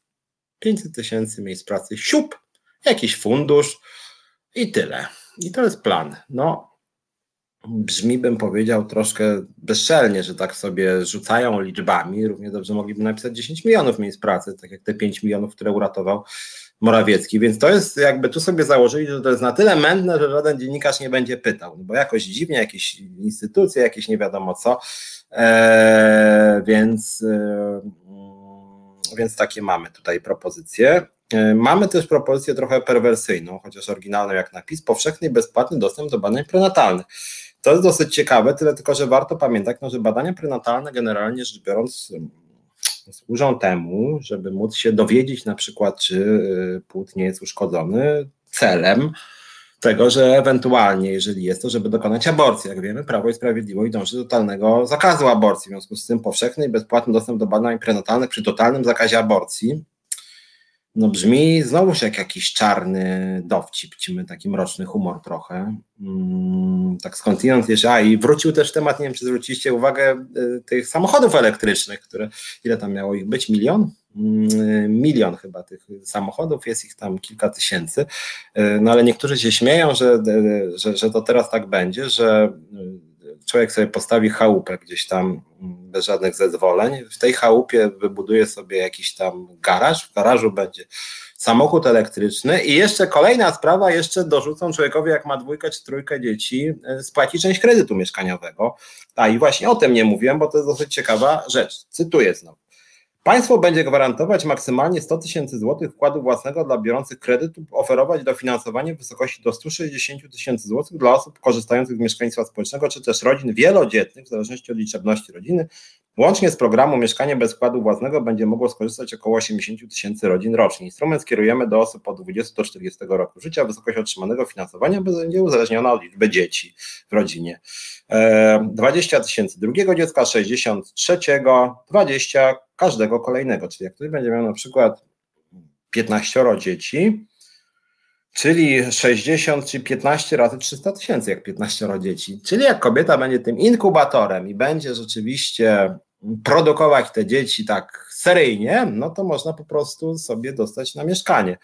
Znaczy, śmieję się trochę z tego, przepraszam, nie chcę e, urazić nikogo, kto ma dużą liczbę dzieci, ale mam wrażenie, że PiS podchodzi do polityki społecznej taka i do kobiet w szczególności, że to jest taka siermiężne podejście, że kobieta jest producentką dzieci, takim inkubatorem właśnie i teraz jak tych dzieci naprodukuje, to tu damy dziesiątaka na pierwszą fazę życia, a później do, do, do, dorzucimy 20 tysięcy co każde dziecko na mieszkanie. Przede wszystkim, i tutaj na to akurat słusznie niektórzy zwracali uwagę, Mm, jeżeli już państwo chce stymulować jakieś rozwiązania mieszkaniowe, ok, uważam, że to jest bardzo poważna sprawa, w Polsce są cały czas niedobory y, mieszkaniowe, no to powinni budować mieszkania socjalne, komunalne, y, jakieś państwowe, no żeby państwo pomagało ludziom, którzy na przykład nie stać ich na mieszkanie. Natomiast dodawanie pieniędzy przez państwo do kredytów komercyjnych, a tutaj jest, no to jest jakiś w ogóle dziwny deal z bankami wygląda. No nie wiem, no bierzecie sobie kredyt, tak? Jak domyślam się, to pewnie będzie PKO BP, tak? Państwowy bank, bo to tak trochę wygląda. No i co? I państwo spłaca część kredytu? I akurat uznaję, że wasze mieszkanie jest godne tego, a jeżeli ja na przykład, y, nie wiem, mam ciężko chorą mamę, y, którą się muszę zajmować, to już mi nie pomogą, bo dają na dziecko, a na mamę to już nie można, tak? Dla mnie to są w ogóle jakieś wątpliwe konstytucyjnie rozwiązania, plus ładowanie w jakichś deweloperów, tak? Bo jeżeli to mają być komercyjne mieszkania, no to też wywinduje ceny mieszkań, no się będzie opłacać. To sobie pomyśli taki prywatny inwestor, no to ja będę, prawda, w Warszawie na przykład mieszkanie za 800 tysięcy 60 metrów, czy za milion i niech państwo dopłaci, prawda, jakiejś rodzinie z dziećmi 200 tysięcy i spoko, no. Więc państwo będzie finansować właściwie deweloperów, a przy okazji będzie y, podkręcać ceny de facto, tak? W związku z tym no, nie udało im się stworzyć y, tanich mieszkań, bo obiecywali 100 tysięcy, przypomnę, mieszkań rocznie, a wychodzi tysiąc mieszkań rocznie ze słynnego programu pisowskiego, mm, więc to jest dla mnie w ogóle jakaś dziwna propozycja, jakaś niezbyt konstytucyjna, bo żona słusznie pisze, że to bańka mieszkaniowa będzie rosła, deweloperka się znowu wzbogaci. To dla mnie to w ogóle wygląda albo ktoś głupi tutaj był po prostu. E, albo to jest jakieś pompowanie sektora prywatnego. Katarzyna Zaręba-Niedźwiecka, traktowanie dzieci jak skarbonki jest obrzydliwe. Tym dzieciom należy się nowoczesna edukacja, ochrona zdrowia i szacunek. Traktowanie kobiet jak darmowych posługaczek też jest obrzydliwe. No ja też mam takie, taką opinię i w ogóle to, że kobieta to po prostu ma te dzieci rodzić seryjnie. Mam pierwsze, pierwsze dziecko. Co to kobieta ma mieć jedno dziecko? Od razu sześć najlepiej. Kobito, urodzisz szóstkę dzieci, to tu ci damy 20 tysięcy, tu 12, tu 12, tu 16 i w ogóle będziesz jeszcze prezydent ci da order. No takie słabe podejście i też lekceważące wobec, wobec osób bezdzietnych albo wobec osób, które mają jedno dziecko, czy rodzin, czy kobiet. No, tym bardziej, że duża w Polsce no, to jest trend akurat ogólnoeuropejski, przynajmniej w krajach rozwiniętych jest na przykład coraz więcej e, kobiet i mężczyzn e, samotnych, tak? Jest coraz więcej osób bezdzietnych. Jest coraz więcej par, nieżyjących w małżeństwach. Jest coraz więcej rodzin patchworkowych i to na siłę po prostu ładowanie y, pieniędzy w małżeństwa, bo oni też obiecują ulgi na małżeństwa oczywiście, tak? Ma być dobra polska rodzina małżeńska, najlepiej z dziesiątką dzieci. To jest w ogóle jakaś nierówność wobec prawa, jakieś traktowanie po prostu rodziny instrumentalnie i dzieci instrumentalnie, Plus jedyny instrument jest to rozdawanie pieniędzy. Nie stworzą żłobka dobrze wyposażonego, za który y, opiekunowie nie będą musieli płacić, nie zapewnią obiadu w szkole, tylko będą ładować kasę, bo tylko to potrafią. Eee, Anna S. Traktowanie dzieci jak skarbonki powoduje moim zdaniem patologie biedne, bite, zabijane, błagam. No znaczy ja też tak uważam, że to jest takie na siłę, no dobra, to już urodzę to dziecko, w zamian, y, no właściwie to jest tak, że najbardziej się opłaca to dziecko urodzić, E, mo można właściwie dosyć mało na nie wydawać kasy i sobie odkładać z tego programu jeszcze kredytu. No kredyt też trzeba spłacać, więc rozumiem, że, że, że, że taka rodzina właduje się w kredyt. Żłobków nie będzie, bo nie będzie już na to pieniędzy. E, jeżeli nie będzie, to ktoś będzie musiał z dzieckiem siedzieć w domu. Najprawdopodobniej to będzie kobieta, bo kobiety mniej w Polsce zarabiają, więc będzie zarabiał facet. Ta kobieta będzie od niego strukturalnie uzależniona ekonomicznie, więc nawet jeżeli nie wiem, będą relacje oparte na przemocy, to się nie rozstaną, bo będzie władza ekonomiczna. No strasznie to dosyć wygląda. Mm, Marek Gaweł to wszystko to urynalna ściema, ale nadal brak oczywistych wniosków. 72 tysiące ofiar COVID, czy dodatkowe 30 tysięcy ofiar pisowskich zrobi różnicę, czy nie. Znaczy, dla mnie, ja już powiedziałem, dla mnie jest w ogóle dramatem to, że oni tak naprawdę opieki zdrowotnej nie traktują serio. I to, że w KPO, w tym Krajowym Planie Odbudowy, opieka zdrowotna jest, powtarzam, na ostatnim miejscu, jak chodzi o wydatki. Ostatnie miejsce i to lewica przyklepała, co jest kompromitacją lewicy, moim zdaniem i kompromitacją PiSu przede wszystkim, że potężne pieniądze z Unii, na to Unia dała zielone światło, żeby wszystko prawie wydać na zdrowie. To był jeden z priorytetów dla Komisji Europejskiej, Polska z tego nie skorzystała. I moim zdaniem to jest po prostu wstyd, bo słusznie tutaj właśnie Marek Gaweł pisze, że mamy po prostu tych ofiar covidowych strasznie dużo i nie tylko covidowych, tak? Okazało się, że polska ochrona zdrowia działa słabo, strasznie dużo osób e, zmarło też nie z powodu koronawirusa, po prostu system się zablokował i zamiast naprawić ten system, zamiast też pomóc ludziom, którzy są ofiarami koronawirusa, bo na przykład bardzo dużo osób dzisiaj jest w złym stanie zdrowia, ma różne schorzenia po koronawirusie, bardzo dużo osób się też źle czuje psychicznie i potrzebuje wsparcia psychologicznego czy psychiatrycznego, no to oni po prostu ładują w kasę jakieś efekciarskie programy, że tutaj dorzucimy 10 tysięcy na dziecko, tu jakiemuś bankowi pomożemy 20 tysięcy jakiegoś kredytu komuś damy, e, tutaj e, coś tam dorzucimy, e, no i też Inkwizytor, milion samochodów elektrycznych, wait, to już było, no ale znowu ma być. tak. Darek Pióro ulga za małżeństwa, jak będzie rozwód. No więc właśnie, rozwód ma się nie opłacać. Jak wiemy, Kościół katolicki cały czas jest za tym, żeby rozwodów nie było i władza wprost tego nie powie, bo ludzie by się za bardzo wkurzyli, ale trochę starają się moim zdaniem utrudniać te rozwody tak naprawdę. E, jak ludziom jest źle, to i tak się rozstają, ale jeżeli będą rzeczywiście tworzyć coraz więcej programów, w ramach których e, pieniądze są uzależnione od tego, czy ludzie żyją ze sobą i wychowują dwójkę, trójkę, czwórkę dzieci, no to to jest taki nacisk właśnie, no. I to jest bardzo, bardzo słabe. Tak na marginesie, nie wiem, czy, czy zwróciliście uwagę, były niedawno dane. Yy, bardzo słabo wygląda, yy, wyglądają wskaźniki demograficzne w Polsce. Znowu spadamy na ostatnie miejsce w Unii Europejskiej. Po prostu kobiety nie chcą być inkubatorami, to nie działa. I władza tego nie rozumie, że to po prostu nie działa, że dosypanie kasy nie prowadzi do tego, że, że, że, że ludzie chcą mieć dzieci. E, raczej moim zdaniem, biorąc pod uwagę też aspiracje zawodowe kobiet, e, lepszym rozwiązaniem byłoby zamiast tego rozdawania kasy 500 zł, 12 tysięcy, nie wiadomo co, e, byłoby właśnie stworzyć żłobki, przedszkola, opieka senioralna, możliwość łączenia pracy zawodowej i obowiązków opiekuńczych. I to jest kluczowe. A PiS uparcie dezaktywizuje kobiety. Uparcie uważa, że kobiety powinny siedzieć w domu i być tymi matkami. Pierwsze dziecko, drugie, czwarte, ósme i później pójść do Andrzeja Dudy i dostać order, że się urodziło dziesiątkę dzieci. A większość kobiet tak, tak nie chce żyć. Większość kobiet chce się też realizować zawodowo, ma do tego prawo i z perspektywy też przyszłości gospodarki, spójności systemu emerytalnego i po prostu jakości życia e, dobrze jest, jak większość kobiet i mężczyzn oczywiście też pracuje, spełnia się też zawodowo, to są kontakty towarzyskie, to jest samorealizacja, to są jakieś aspiracje życiowe i to usilna próba zamknięcia kobiet w domu z dziećmi jest po prostu złym pomysłem, tak? Jest częścią jakiegoś archaicznego modelu gospodarki, który jest w dłuższej perspektywie kryzysogenny, tak? Więc y, to nie jest dobry pomysł.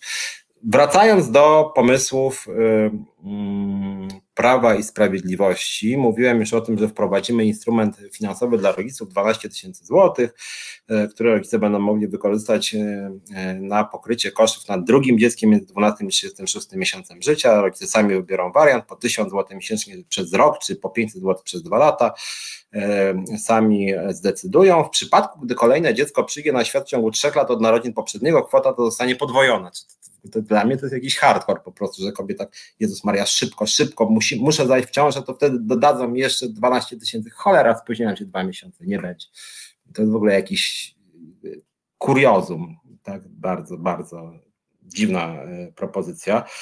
E, no, a jeszcze z tych propozycji jest y, kolejna, no to PiS by nie był sobą, gdyby nie wprowadził elementów propagandowych, więc na przykład czytamy o zwiększeniu roli historii w programie nauczania, zwłaszcza w szkołach średnich, także w perspektywie egzaminu maturalnego. W liceach ogólnokształcących i technikach prowadzimy zajęcia z historii XX wieku w nawiasie głównie Polski. I to jest rzecz kluczowa. Historia ma być głównie polski z perspektywy polskiej dla Polaków. Polska historia Polski, prawdziwie polska, taka, żeby wszyscy Polacy byli Polakami, a nie jakimiś Grekami, Hiszpanami czy Niemcami. Musi być polska perspektywa i TVP Info zrobi materiał i wiadomości, zrobią materiał o tym, że za Tuska to była historia niemiecka, a za PiSu jest historia polska i jest ład polski w Polsce. No i to właśnie e, moim zdaniem był jeden z ważniejszych elementów tego programu. E, pojawił się też zapis o tym, moim zdaniem bardzo niebezpieczny, o tym, że e, no niestety, sam byłem niedawno mm, na zajęciach w jednej z gdańskich szkół zdalnie, oczywiście, jako związkowiec, dziennikarz, natomiast PiS prowadził do tego swojego ładu, że będą decyzje dyrekcji szkoły wraz z rodzicami, yy, będą decydować o tym, kogo wpuszczać na teren szkoły, w sensie na zajęcia dopuszczać, jakie organizacje. W domyśle jesteś lewakiem, jesteś LGBT, jesteś genderystą, nie wpuścimy cię, nie będziesz miał wstępu, będziemy wpuszczać prawdziwych Polaków, e, katolików. I niestety to jest bardzo mocno w tym programie wyeksponowane, e, więc tak misyjnie chciałem do Was zaapelować, poczytajcie trochę ten program, on nie jest taki bardzo gruby, ma około 100 stron, tak samo jak zajrzyjcie w wolnej chwili do Krajowego Planu Odbudowy, bo niestety na poziomie takiej propagandy to brzmi bardzo niebezpiecznie, to znaczy to jest strasznie przaśne, są oczywiście nie wprost, ale takie jasne sugestie, że to będzie właśnie taki model Polski dla Polaków, silnie nacjonalistyczny z elementami faszyzującymi moim zdaniem po prostu. Ten dumny naród polski, ta polskość odmieniana przez wszystkie przypadki, bardzo określony model rodziny, bardzo określony model seksualności, bardzo określony model ścieżki życiowej, tak, że kobiety mają zajmować się dziećmi, panowie ewentualnie mają e, pracować. Mm, plus e, obywatelu rodzisz dzieci, dostaniesz trochę kasy, e, plus jasny sygnał, że wybory się zbliżają za dwa lata, no to akurat tam za, za rok coś damy, te 12 tysięcy, ale już jeśli chodzi o usługi publiczne, to może lepiej nie, bo to jest zbyt trudne, zbyt skomplikowane, bo być może to jest na lata, w związku z tym też sprawy związane na przykład ze środowiskiem czy klimatem, to właściwie w ogóle tego nie ma, oni się na tym nie znają i bo uważają też, że na tym nie można zbić kapitału politycznego. No i niestety potem ten program jest tak dograny pod poparcie tych, powiem, 35-40% Polaków. Anna S. pisze, że mój syn jest w czwartej klasie, jest przerażona narodowością w szkole. Znaczy rozumiem, że tym takim nacjonalistycznym e, przekazem inkwizytor jeszcze order dla kobiet, których dzieci służą w armii. No tak też te elementy nacjonalistyczne są e, bardzo mocno obecne. Robert Jakub pisze, że nie ma być dwóch historii. Historia narodowo-polska, dwie, trzy godziny tygodniowa, ale historia insza. No właśnie, znaczy w ogóle to jest, to tak na marginesie jest dosyć cenna uwaga, że rzeczywiście PiS wprowadza mm, bardzo silny podział na historię światową i historię polską i ta historia polska jest absolutnym priorytetem, a świat no, trochę jak widzicie nawet w mediach, niestety też w mediach yy, niepisowskich, że kluczowe są wiadomości z kraju, ten świat to właściwie jest gdzieś tam jakaś abstrakcja, tak? Prawdziwy obszar wydarzeń to jest Polska, tak? Znaczy jako dziennikarz to śledzę, że na przykład jak jest wielka tragedia, nie wiem, dajmy na to 100 osób w Niemczech ginie w tragedii, nie wiem, wypadek pociągu, zderzenie pociągów, to od razu pierwsza informacja, wśród ofiar nie ma Polaków, tak, czyli wszyscy łów zginęło 100 osób, ale Polaków nie ma, więc w sumie fajnie, no, że 100 osób, ale to jacyś tam nie nasi, jacyś Niemcy to mogą sobie zginąć, ale jak trzech Polaków, to już wtedy mamy się bać.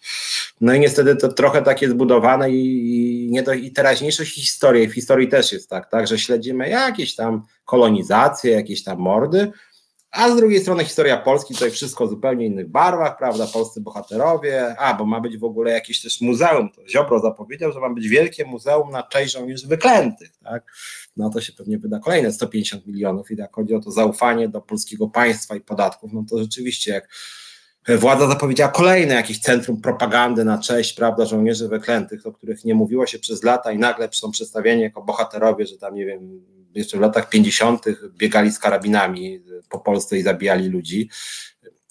No, straszne dosyć, tak, że to będzie taka młódzka o tym, że prawda, każdy, kto tam bił komucha, to był dobry, nawet ci wykleci, którzy mordowali e, dzieci białoruskie. No, no straszne to jest dosyć. Dominik Jarych, ale o czym mówisz Piotrze nie przemawia do suwerena, do nich mówi kasa 500 plus 12 tysięcy, przecież to wszystko nie jest po to, aby zrobić coś z demografią, tylko wygrać wybory, to chyba jasne.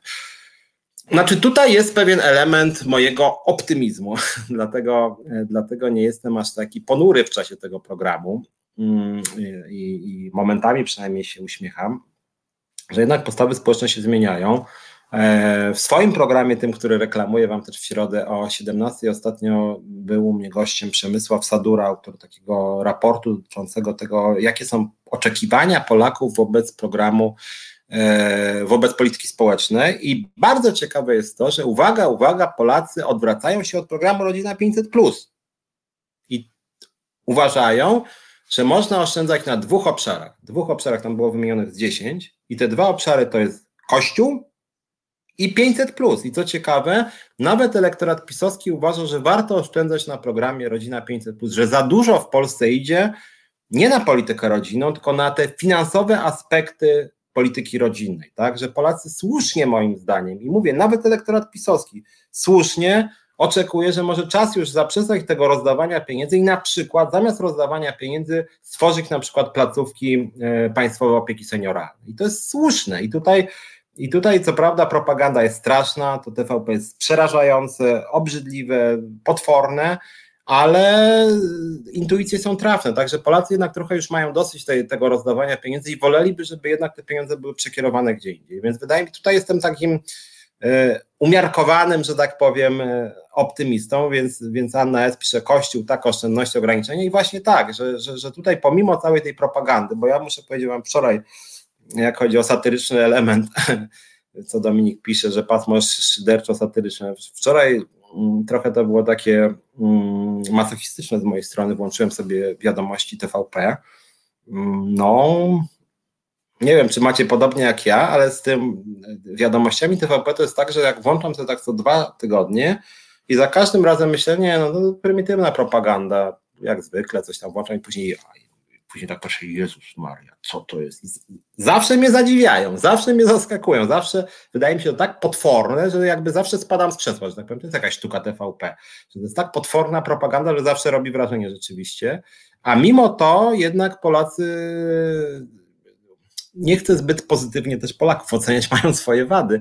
Mm, w końcu wybrali ten PiS i wybrali Andrzeja Dudę na prezydenta, który miał właściwie faszystowską kampanię homofobiczną, na tym wygrał niestety wybory, ale mają już trochę tego dosyć i w polityce społecznej chcieliby jednak e, na co innego, żeby te pieniądze szły.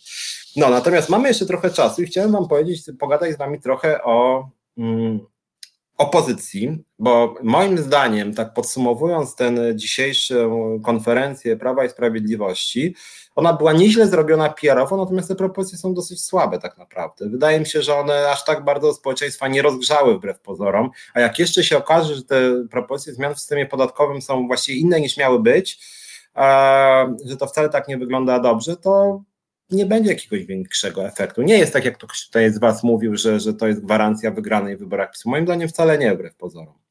E, więc, e, więc tutaj wydaje mi się, że nie, tylko że niestety PiS ma obecnie sojusznika, niestety w postaci opozycji.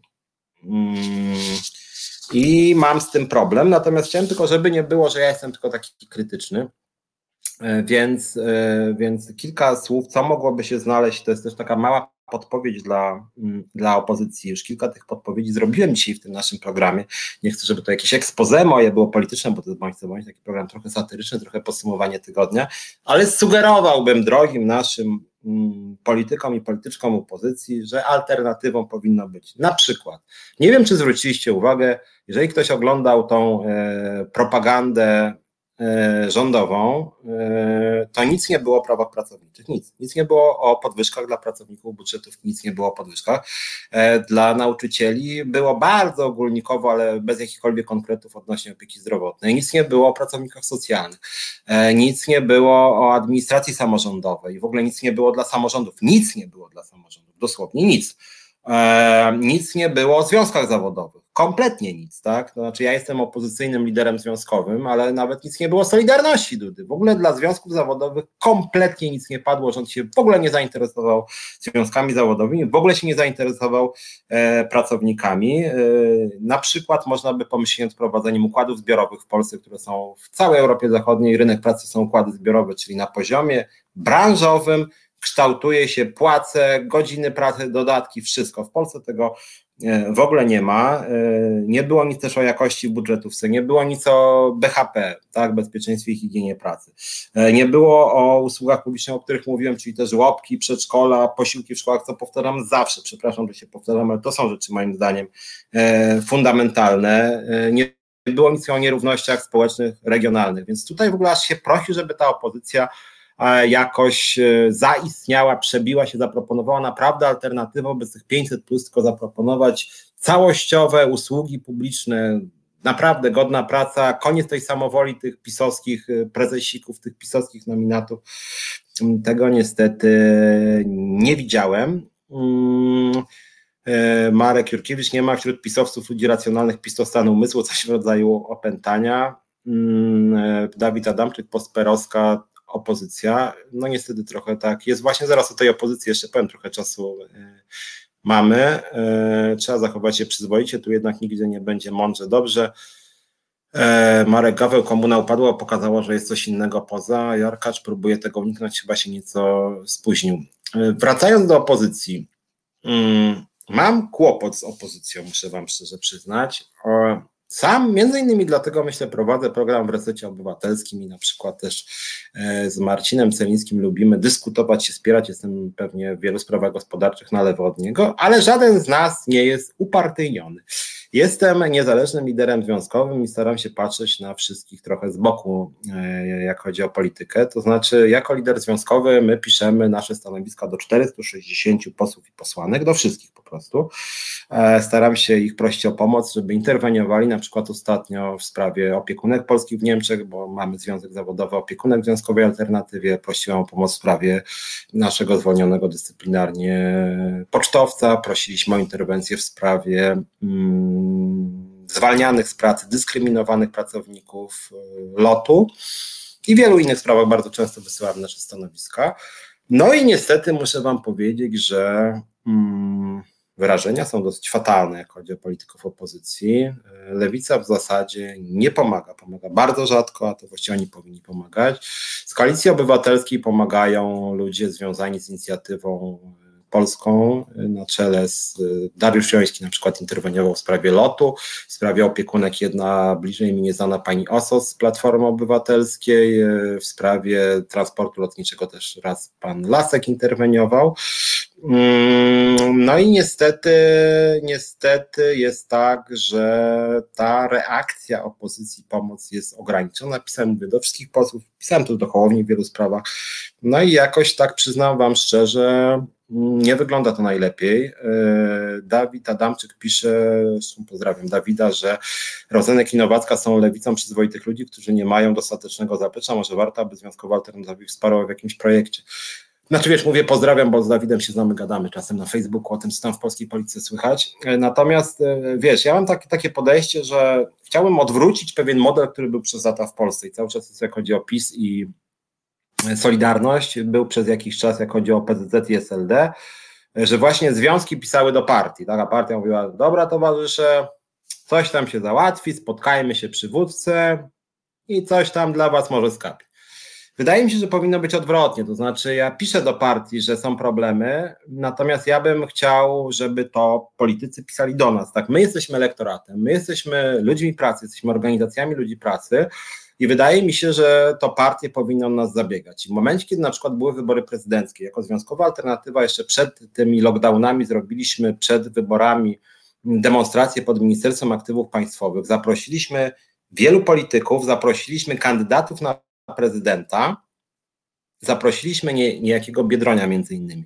I pan Biedroń Robert, który był dwa kilometry od Ministerstwa Aktywów Państwowych, zapraszaliśmy go, niech przyjdzie, mówi, zdobędzie elektorat, wszyscy pewnie brawo by mu bili, nie przyszedł. Miał ważniejsze sprawy, bo chciał ze swoimi współpracownikami posiedzieć w jakimś tam zamkniętym spotkaniu. No, jeżeli się y, lewica nie interesuje ludźmi pracy, no to trudno się dziwić, że później pracownicy się nie do końca interesują lewicą. Na dodatek jeszcze uważam, że to poparcie lewicy dla PiSu w sprawie y, Krajowego Planu Odbudowy było po prostu błędem wizerunkowym nawet, tak? Bo wyszło, że lewica jakoś przełamała tą taką jednak niechęć i nieufność opozycji do PiSu. I lewica pokazała PiS jako normalną partię. Moim zdaniem PiS nie jest normalną partią, to są bardzo niebezpieczni zamordyści. Mówię to z pełną odpowiedzialnością, jako człowiek, który działał y, jako związkowiec w spółkach Skarbu Państwa, gdzie pisowska władza nasyła służby na ludzi, nasyła sądy, opłaca kampanię nienawiści, nie chcę tutaj brzydkich słów używać, bo uważam, że tak nie należy robić w debacie publicznej, natomiast rzeczywiście cisną się bardzo, bardzo wrogie słowo wobec tego, co pisowska władza robi z ludźmi, co ci nominaci robią z ludźmi. To nie jest normalna władza, oni działają czasem używając naprawdę metod, przepraszam bardzo, mafijnych. E, I to, że dzisiaj część lewicy ich trochę odczarowuje, uważam, że jest bardzo niebezpieczne i szkodliwe dla całej opozycji, tak? Dla całej opozycji, bo jeżeli już jedna partia opozycji zaczyna normalnie rozmawiać z PiSem, to trochę szachuje, e, szach, robi taki wyłom, tak? Że PiS nagle przyzna, że właśnie ten PiS to w sumie Dzisiaj nawet też słuchałem Gawkowskiego. Gawkowski mówi, no część projektów PiSu poprzemy, część nie poprzemy. Ja nie mówię, żeby ślepo, ślepo wetować, tylko tak jak powiedziałem na początku naszego dzisiejszego spotkania. Uważam, że z mafią można rozmawiać tylko o warunkach jej kapitulacji. Eee, PiS ma władzę, w związku z tym bardzo trudno jest rozmawiać o warunkach ich kapitulacji, ale uważam, że nie należy się z nimi dogadywać, biorąc pod uwagę to, co robili z prawem, to, co robią ze służbami, to, co robią Y, jakie podłe rzeczy robią w spółkach Skarbu Państwa, jakie straszne rzeczy robią w prokuraturze, to, że po prostu eliminują niewygodnych sobie ludzi, zwalniając ich z pracy, prześladując ich medialnie, robiąc na nich potworne nagonki, tak? Robiąc potworne nagonki na feministki, na osoby nieheteroseksualne, na niewygodnych związkowców, no to jest po prostu straszne. I to, co robi telewizja polska, która jest de facto telewizją w przekazie faszystowską, moim zdaniem tego słowa należy używać, bo to jest tak potworna propaganda, że się po prostu w głowie nie mieści. To nie jest normalna partia. W związku z tym ja mam dużo żalu do lewicy, bo sam jestem lewicowy, e, że oni rzeczywiście tak jakby, jakby, no nie wiem, zapomnieli o tym, że ten PiS taki jest, czy nie wiem, czy Czarzasty uważa, że to w sumie fajnie się z takimi ludźmi dogadywać, że to jest normalne takie metody w polityce. No ja uważam, że to nie jest normalne, nie, nie, nie, nie, nie akceptuję y, tego. Dawid pisze, czy, że, czy lewica parlamentarna interesuje się ludźmi pracy, bo coraz mniej to widać, bardziej interesują się kwestiami obyczajowymi.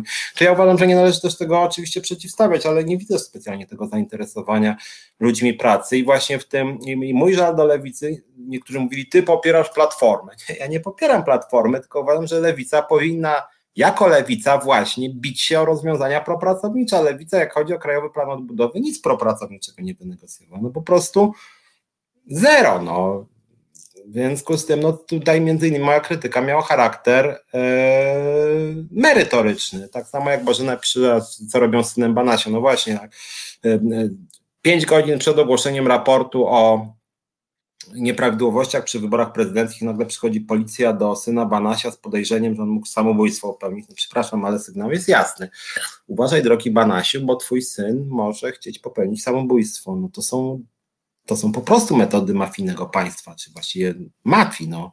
Jakieś takie groźby. W ogóle nie ma oczywiście postępowania w tej sprawie. Co to, kto dzwonił? Przepraszam bardzo, że Podobno o 23 był telefon, że syn Banasia chce popełnić samobójstwo i oni o 6 rano do niego przyjeżdżają do domu, o 6 rano, czyli jakby miał popełnić samobójstwo, to po siedmiu godzinach by nie żył. W związku z tym jakby cel był jasny, no chodziło o zastraszenie po prostu. No. Anna S. też pisze, że jest lewicowa, nie rozumiem tego, co się stało. E, żeby dorzucić, jedna rzecz, nie wiem, czy zauważyliście, jest teraz spór odnośnie Włodzimierza Czarzastego i Gabrieli Morawskiej-Staneckiej, ponieważ e, pani Gabriela Morawska-Stanecka informuje, że Czarzasty e, straszył ją odstrzeleniem, mówił, że jeśli dalej będzie łaziła po mediach, to będzie właśnie odstrzelona, że była już taka grzeczna i było między nami dobrze, a teraz się zepsuło. Wcześniej niejaki pan Dyduch mówił, że Nowacka jest jak jego żona, czyli słyszy co chce i trajkocze, trajkocze, trajkocze. E, jeszcze wcześniej kandydat lewicy na Rzecznika Praw Obywatelskich Piotr Ikonowicz, którego zresztą znam w wielu sprawach cenię, ale to się moim zdaniem nie popisał niestety. Mówił, że strajk kobiet powinien zrzucić z siebie Martę Lempart jak pies rzuca pchły. Jego rozmowa z Janem Śpiewakiem była podpisana ogólnopolski rak kobiet.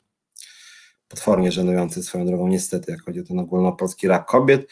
E, w międzyczasie Zandberg sobie walnął fotkę na stacji Orlenu, że jedzie w kampanii i warto o tym pamiętać, że rzucił tą fotkę na tle Orlenu, pisząc, że właśnie jedzie chwalić się tym terenie, co Lewica wynegocjowała w Krajowym Planie Odbudowy, czyli robił zdjęcie na tle Orlenu, który to Orlen w ramach Krajowego Planu Odbudowy wynegocjował mnóstwo pieniędzy dla siebie i Orlen, pan prezes Obajtek brał udział w tworzeniu Krajowego Planu Odbudowy, więc na tym tle uważam, że ta fotka Zandberga jest naganna i niektórzy mówią, że to jakieś takie postpolityka, nieważne. To nie jest nieważne, kiedy się no, jednak jakoś firmuje daną firmę, daną firmę, tak, daną e, instytucję, która no, jest jednoznacznie kojarzona z PiSem, więc ja uważam, że to jednak było niefajne, szczerze powiedziawszy.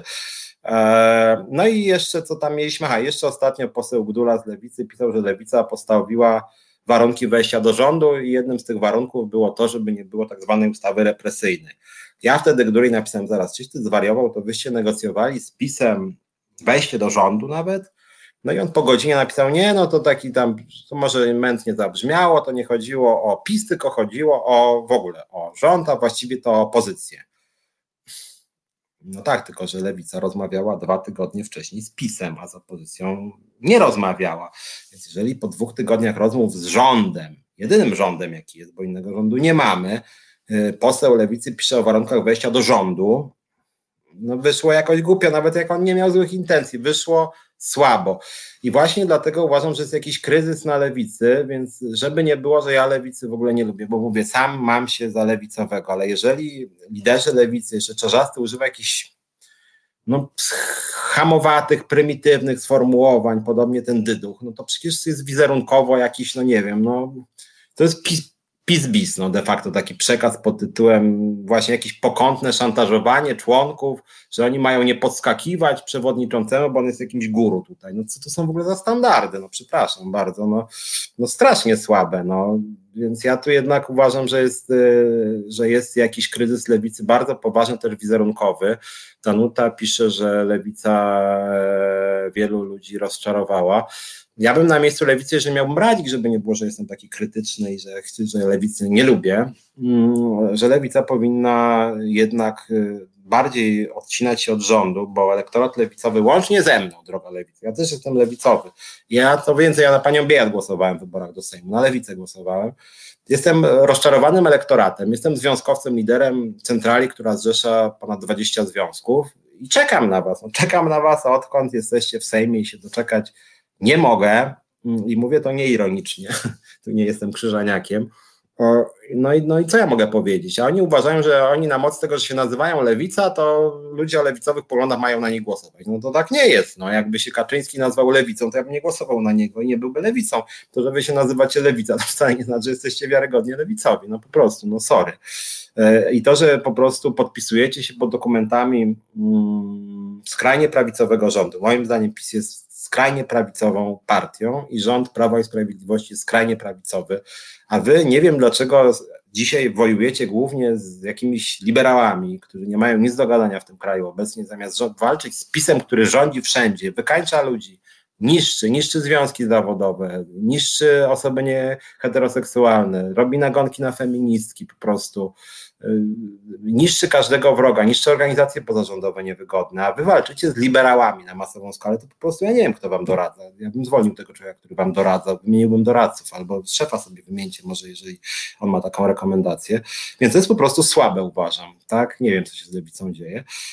No ale z drugiej strony, jak ktoś mi mówi, że ja rzadko krytykuję platformę, no niestety nie wiem też, co się z platformą dzieje. Hmm, to znaczy, rzeczywiście oni mają jakiś problem, że platforma chyba zapomniała, że nie rządzi.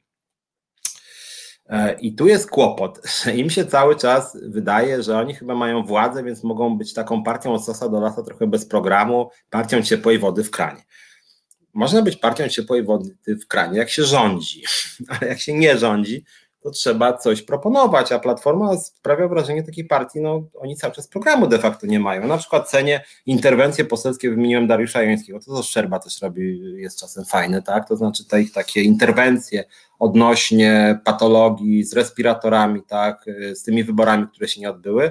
I tu Platforma robi dobrą robotę, ale są interwencje, natomiast jak chodzi o program, to ja nie wiem, czego chce do końca Platforma.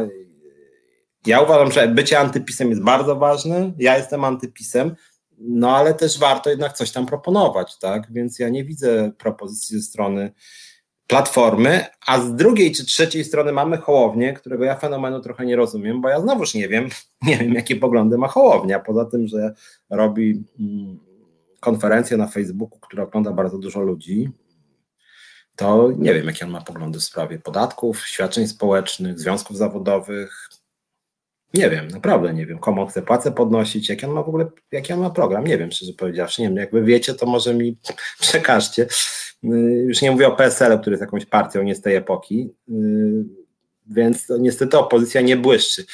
E, ach, więc słuchajcie, wracam do, do waszych głosów. Przepraszam, że się tak rozgadałem na ten temat tej opozycji, bo muszę przyznać, że jest mi po prostu przykro, że ta opozycja jest taka słaba.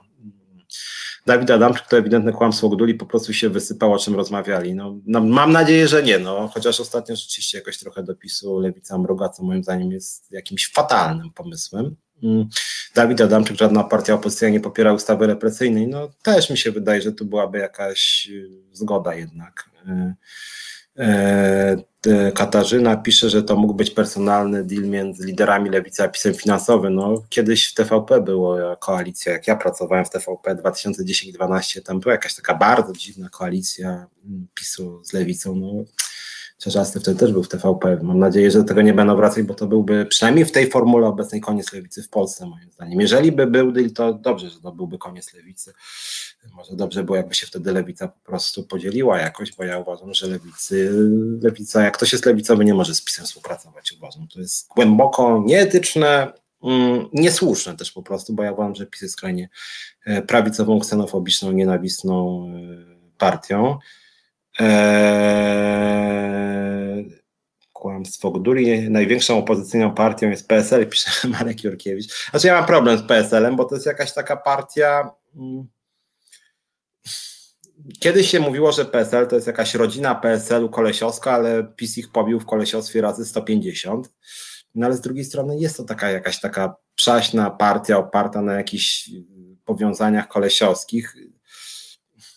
Mówią o nich partia wiejska, oni de facto nie mają specjalnie wizji wsi tak naprawdę. Więc ja, dla dobra parlamentaryzmu ja nie wiem, czy PSL nie powinien któregoś dnia po prostu wypaść z parlamentu, bo szczerze powiedziawszy nie wiem, co oni wnoszą. Moim zdaniem dobrze byłoby, gdyby w Polsce była solidna, nowoczesna yy, lewica, yy, nowoczesna partia liberalna, ale rzeczywiście nowoczesna partia liberalna i to jest może jakieś wyzwanie dla Platformy. Niech ona się jakoś przeobrazi, niech skręci w kierunku, no nie wiem, Lubnauer, czyli stanie się taka bardziej e, liberalna obyczajowo i przy okazji niech nawet będzie liberalna gospodarczo. Ja się wtedy będę z nimi spierał, ale przynajmniej będę wiedział, na czym stoję w dyskusji z nimi. A teraz jest taka partia nie wiadomo co. Ma kilku fajnych ludzi, z którymi ja rozmawiam, którzy czasem na przykład, tak jak mówiłem, pomogą w sprawie lotu. Ma jakichś takich dziwnych, e, e, jakieś dziwne skraj, skrajnie, skrajnie neoliberalne znowuż głosy, nie wiem, tam ostatnio Sikorski wyzywa każdego od komunistów, kto się, kto się z nim nie zgadza. niech przyjmą jakąś linię po prostu, tak? Niech mają jakiś program, a nie taki trochę, że tak powiem, PZPR, tak? Mają swoją lewicę, swoją prawicę, swoje centrum i właśnie nie wiadomo, co oni uważają. Jak mówię, jako partia władzy to się jakoś tam sprawdzało trochę, tak? Trochę ten kraj się modernizował, stopniowo jakoś równoważyli różne interesy i okej, okay, chociaż nie popierałem ich, a nawet organizowałem protesty przeciwko nim. I zdecydowanie oczywiście wolę ich niż PiS, ale obecnie to jest jakaś po prostu, no nie wiem, degrengolada trochę, ten Budka, który no niestety nie ma charyzmy, no sorry, no jest słabym liderem. Mm, być może jak miałbym coś sugerować Platformie dla odmiany personalnie, to być może Arłukowicz może byłby lepszym liderem, to byłby przy okazji problem dla Lewicy, jakby Arłukowicz został e, szefem Platformy, ona by trochę skręciła na lewo, ale przy okazji by przejęła część elektoratu Lewicy i może byłaby to jakaś taka nowoczesna partia, czy ludzie typu, nie wiem, Joński, właśnie Nowacka, mówiłem też o tych ludziach z inicjatywy polskiej, też widzę, że jakąś niezłą robotę zieloni robią. Więc ja bym chciał, żeby oczywiście skręcili na lewo, bo jestem sam osobą o poglądach lewicowych, ale żeby jakiś program mieli, żeby z kimś tam rozmawiać, a teraz to jest jakaś taka, no nie wiem, nawet to, że w czasie kryzysu wyrzucają dwóch polityków swojej partii, tylko pogłębia wrażenie e, chaosu. Inkwizytor pisze o lewicy, że wujaszki z wąsem w nich wyszły. No właśnie, ja wiem, że, że jest jakiś elektorat, który, który lubi jakieś takie przaśne dowcipasy typu pan Dyduch, mm. ale ja czasem to mówię lewicy, no oni mają w programie wpisane fajniejsze rzeczy niż Platforma czy PSL. Ale w momencie, kiedy ogląda się pana Marka Dyducha, albo słucha się czasem Czarzastego z tymi ich, no nie wiem, którzy nawet zaczęli ostatnio przeklinać na wizji, jakieś takie chamskie dowcipasy patriarchalne, no to co z tego, że oni mają nawet fajny program, skoro wizerunkowo dla ludzi to, to jest blisko PiSu tak naprawdę. I później oni się dziwią, że Trzaskowski przejmuje ich elektorat, bo Trzaskowski ma swoje wady. Ja uważam, Trzaskowski no też jakoś trochę rozczarowuje, bo też jest trochę jakiś taki rozmyty, nie, nie, niewyraźny. Ale jak się widzi Trzaskowskiego i Dyducha, no to Trzaskowski wygląda na nowoczesnego zachodniego polityka z jakąś klasą, z jakąś wiedzą, z jakąś wizją, a Dyduch wygląda na takiego jakiegoś no patriarchalnego wujka od od y, przaśnych dowcipasów hamowatych, jakby był powódcę w ogóle w studiu.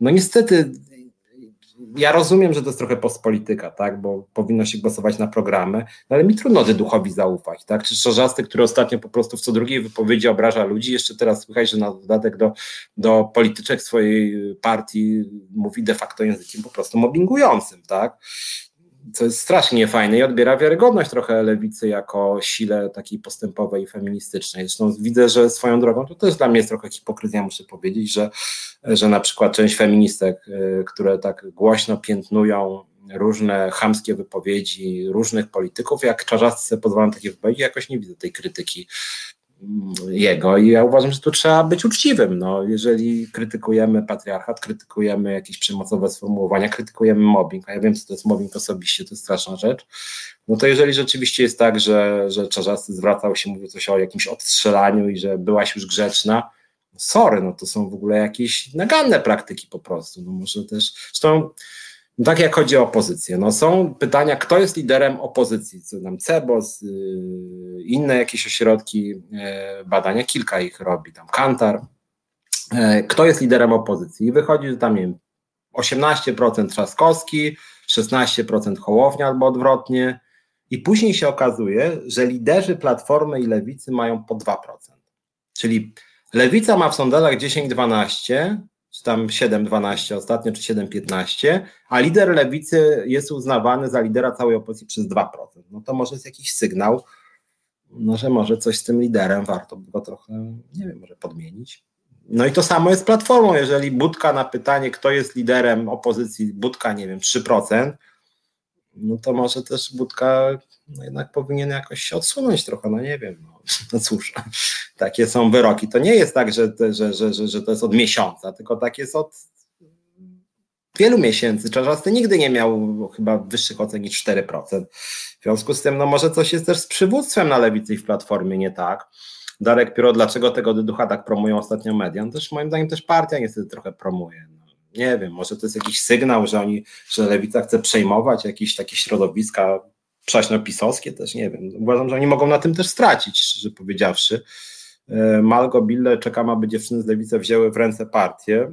Mm, okej, okay, jestem za, tylko że nie wiem, czy to nie jest, czy, czy, czy, to rzeczywiście przez przypadek jest trzech tenorów, tak? Że niby tacy jesteśmy postępowi, hop do przodu, a tymczasem trzech tenorów to jest trzech panów. E, pamiętajmy o tym, że Biedroń, który uchodzi do takiego bardzo nowoczesnego, on przecież jak wszedł do Parlamentu Europejskiego, to deklarował publicznie, że on się zrzeknie i wejdzie druga osoba, więc Monika Płatek powinna być w Europarlamencie. Tymczasem w ostatniej chwili sobie zmienił zdanie, bo tak. No, Wyszło strasznie mało fajnie, to znaczy wyszedł na niezbyt wiarygodnego, szczerze powiedziawszy. Przypomnę też, że razem były wybory. Zandberg obecnie formalnie nie pełni żadnej funkcji w partii chyba, a w odbiorze społecznym jest absolutnym liderem. Nic się tu kompletnie nie zmieniło, więc wybory właściwie nie miały znaczenia i taką rządzi partią. Eee, Czarzasty, z tego co wiem, to chyba w ogóle wyborów tam nie było już chyba, niezgodnie ze statutem chyba od pięciu lat.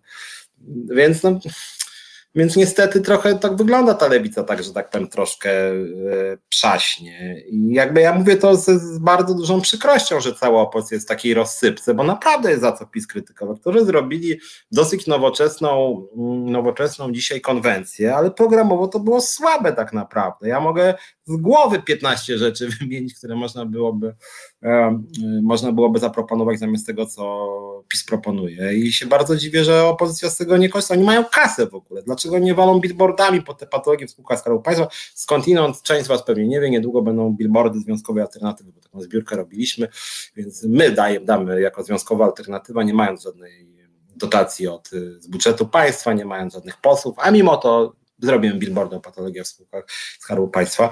Dawid Adamczyk pisze, co z inicjatywami Ordo Juris aktualnie będą ścigać za szkalowanie JP2, gdzie w tym Lewica chyba popiera sojuszników. No mam nadzieję, że nie, aczkolwiek, y, aczkolwiek rzeczywiście Ordo Juris otwarcie grozi procesami, skąd w tym kontekście polecam swoje książeczki.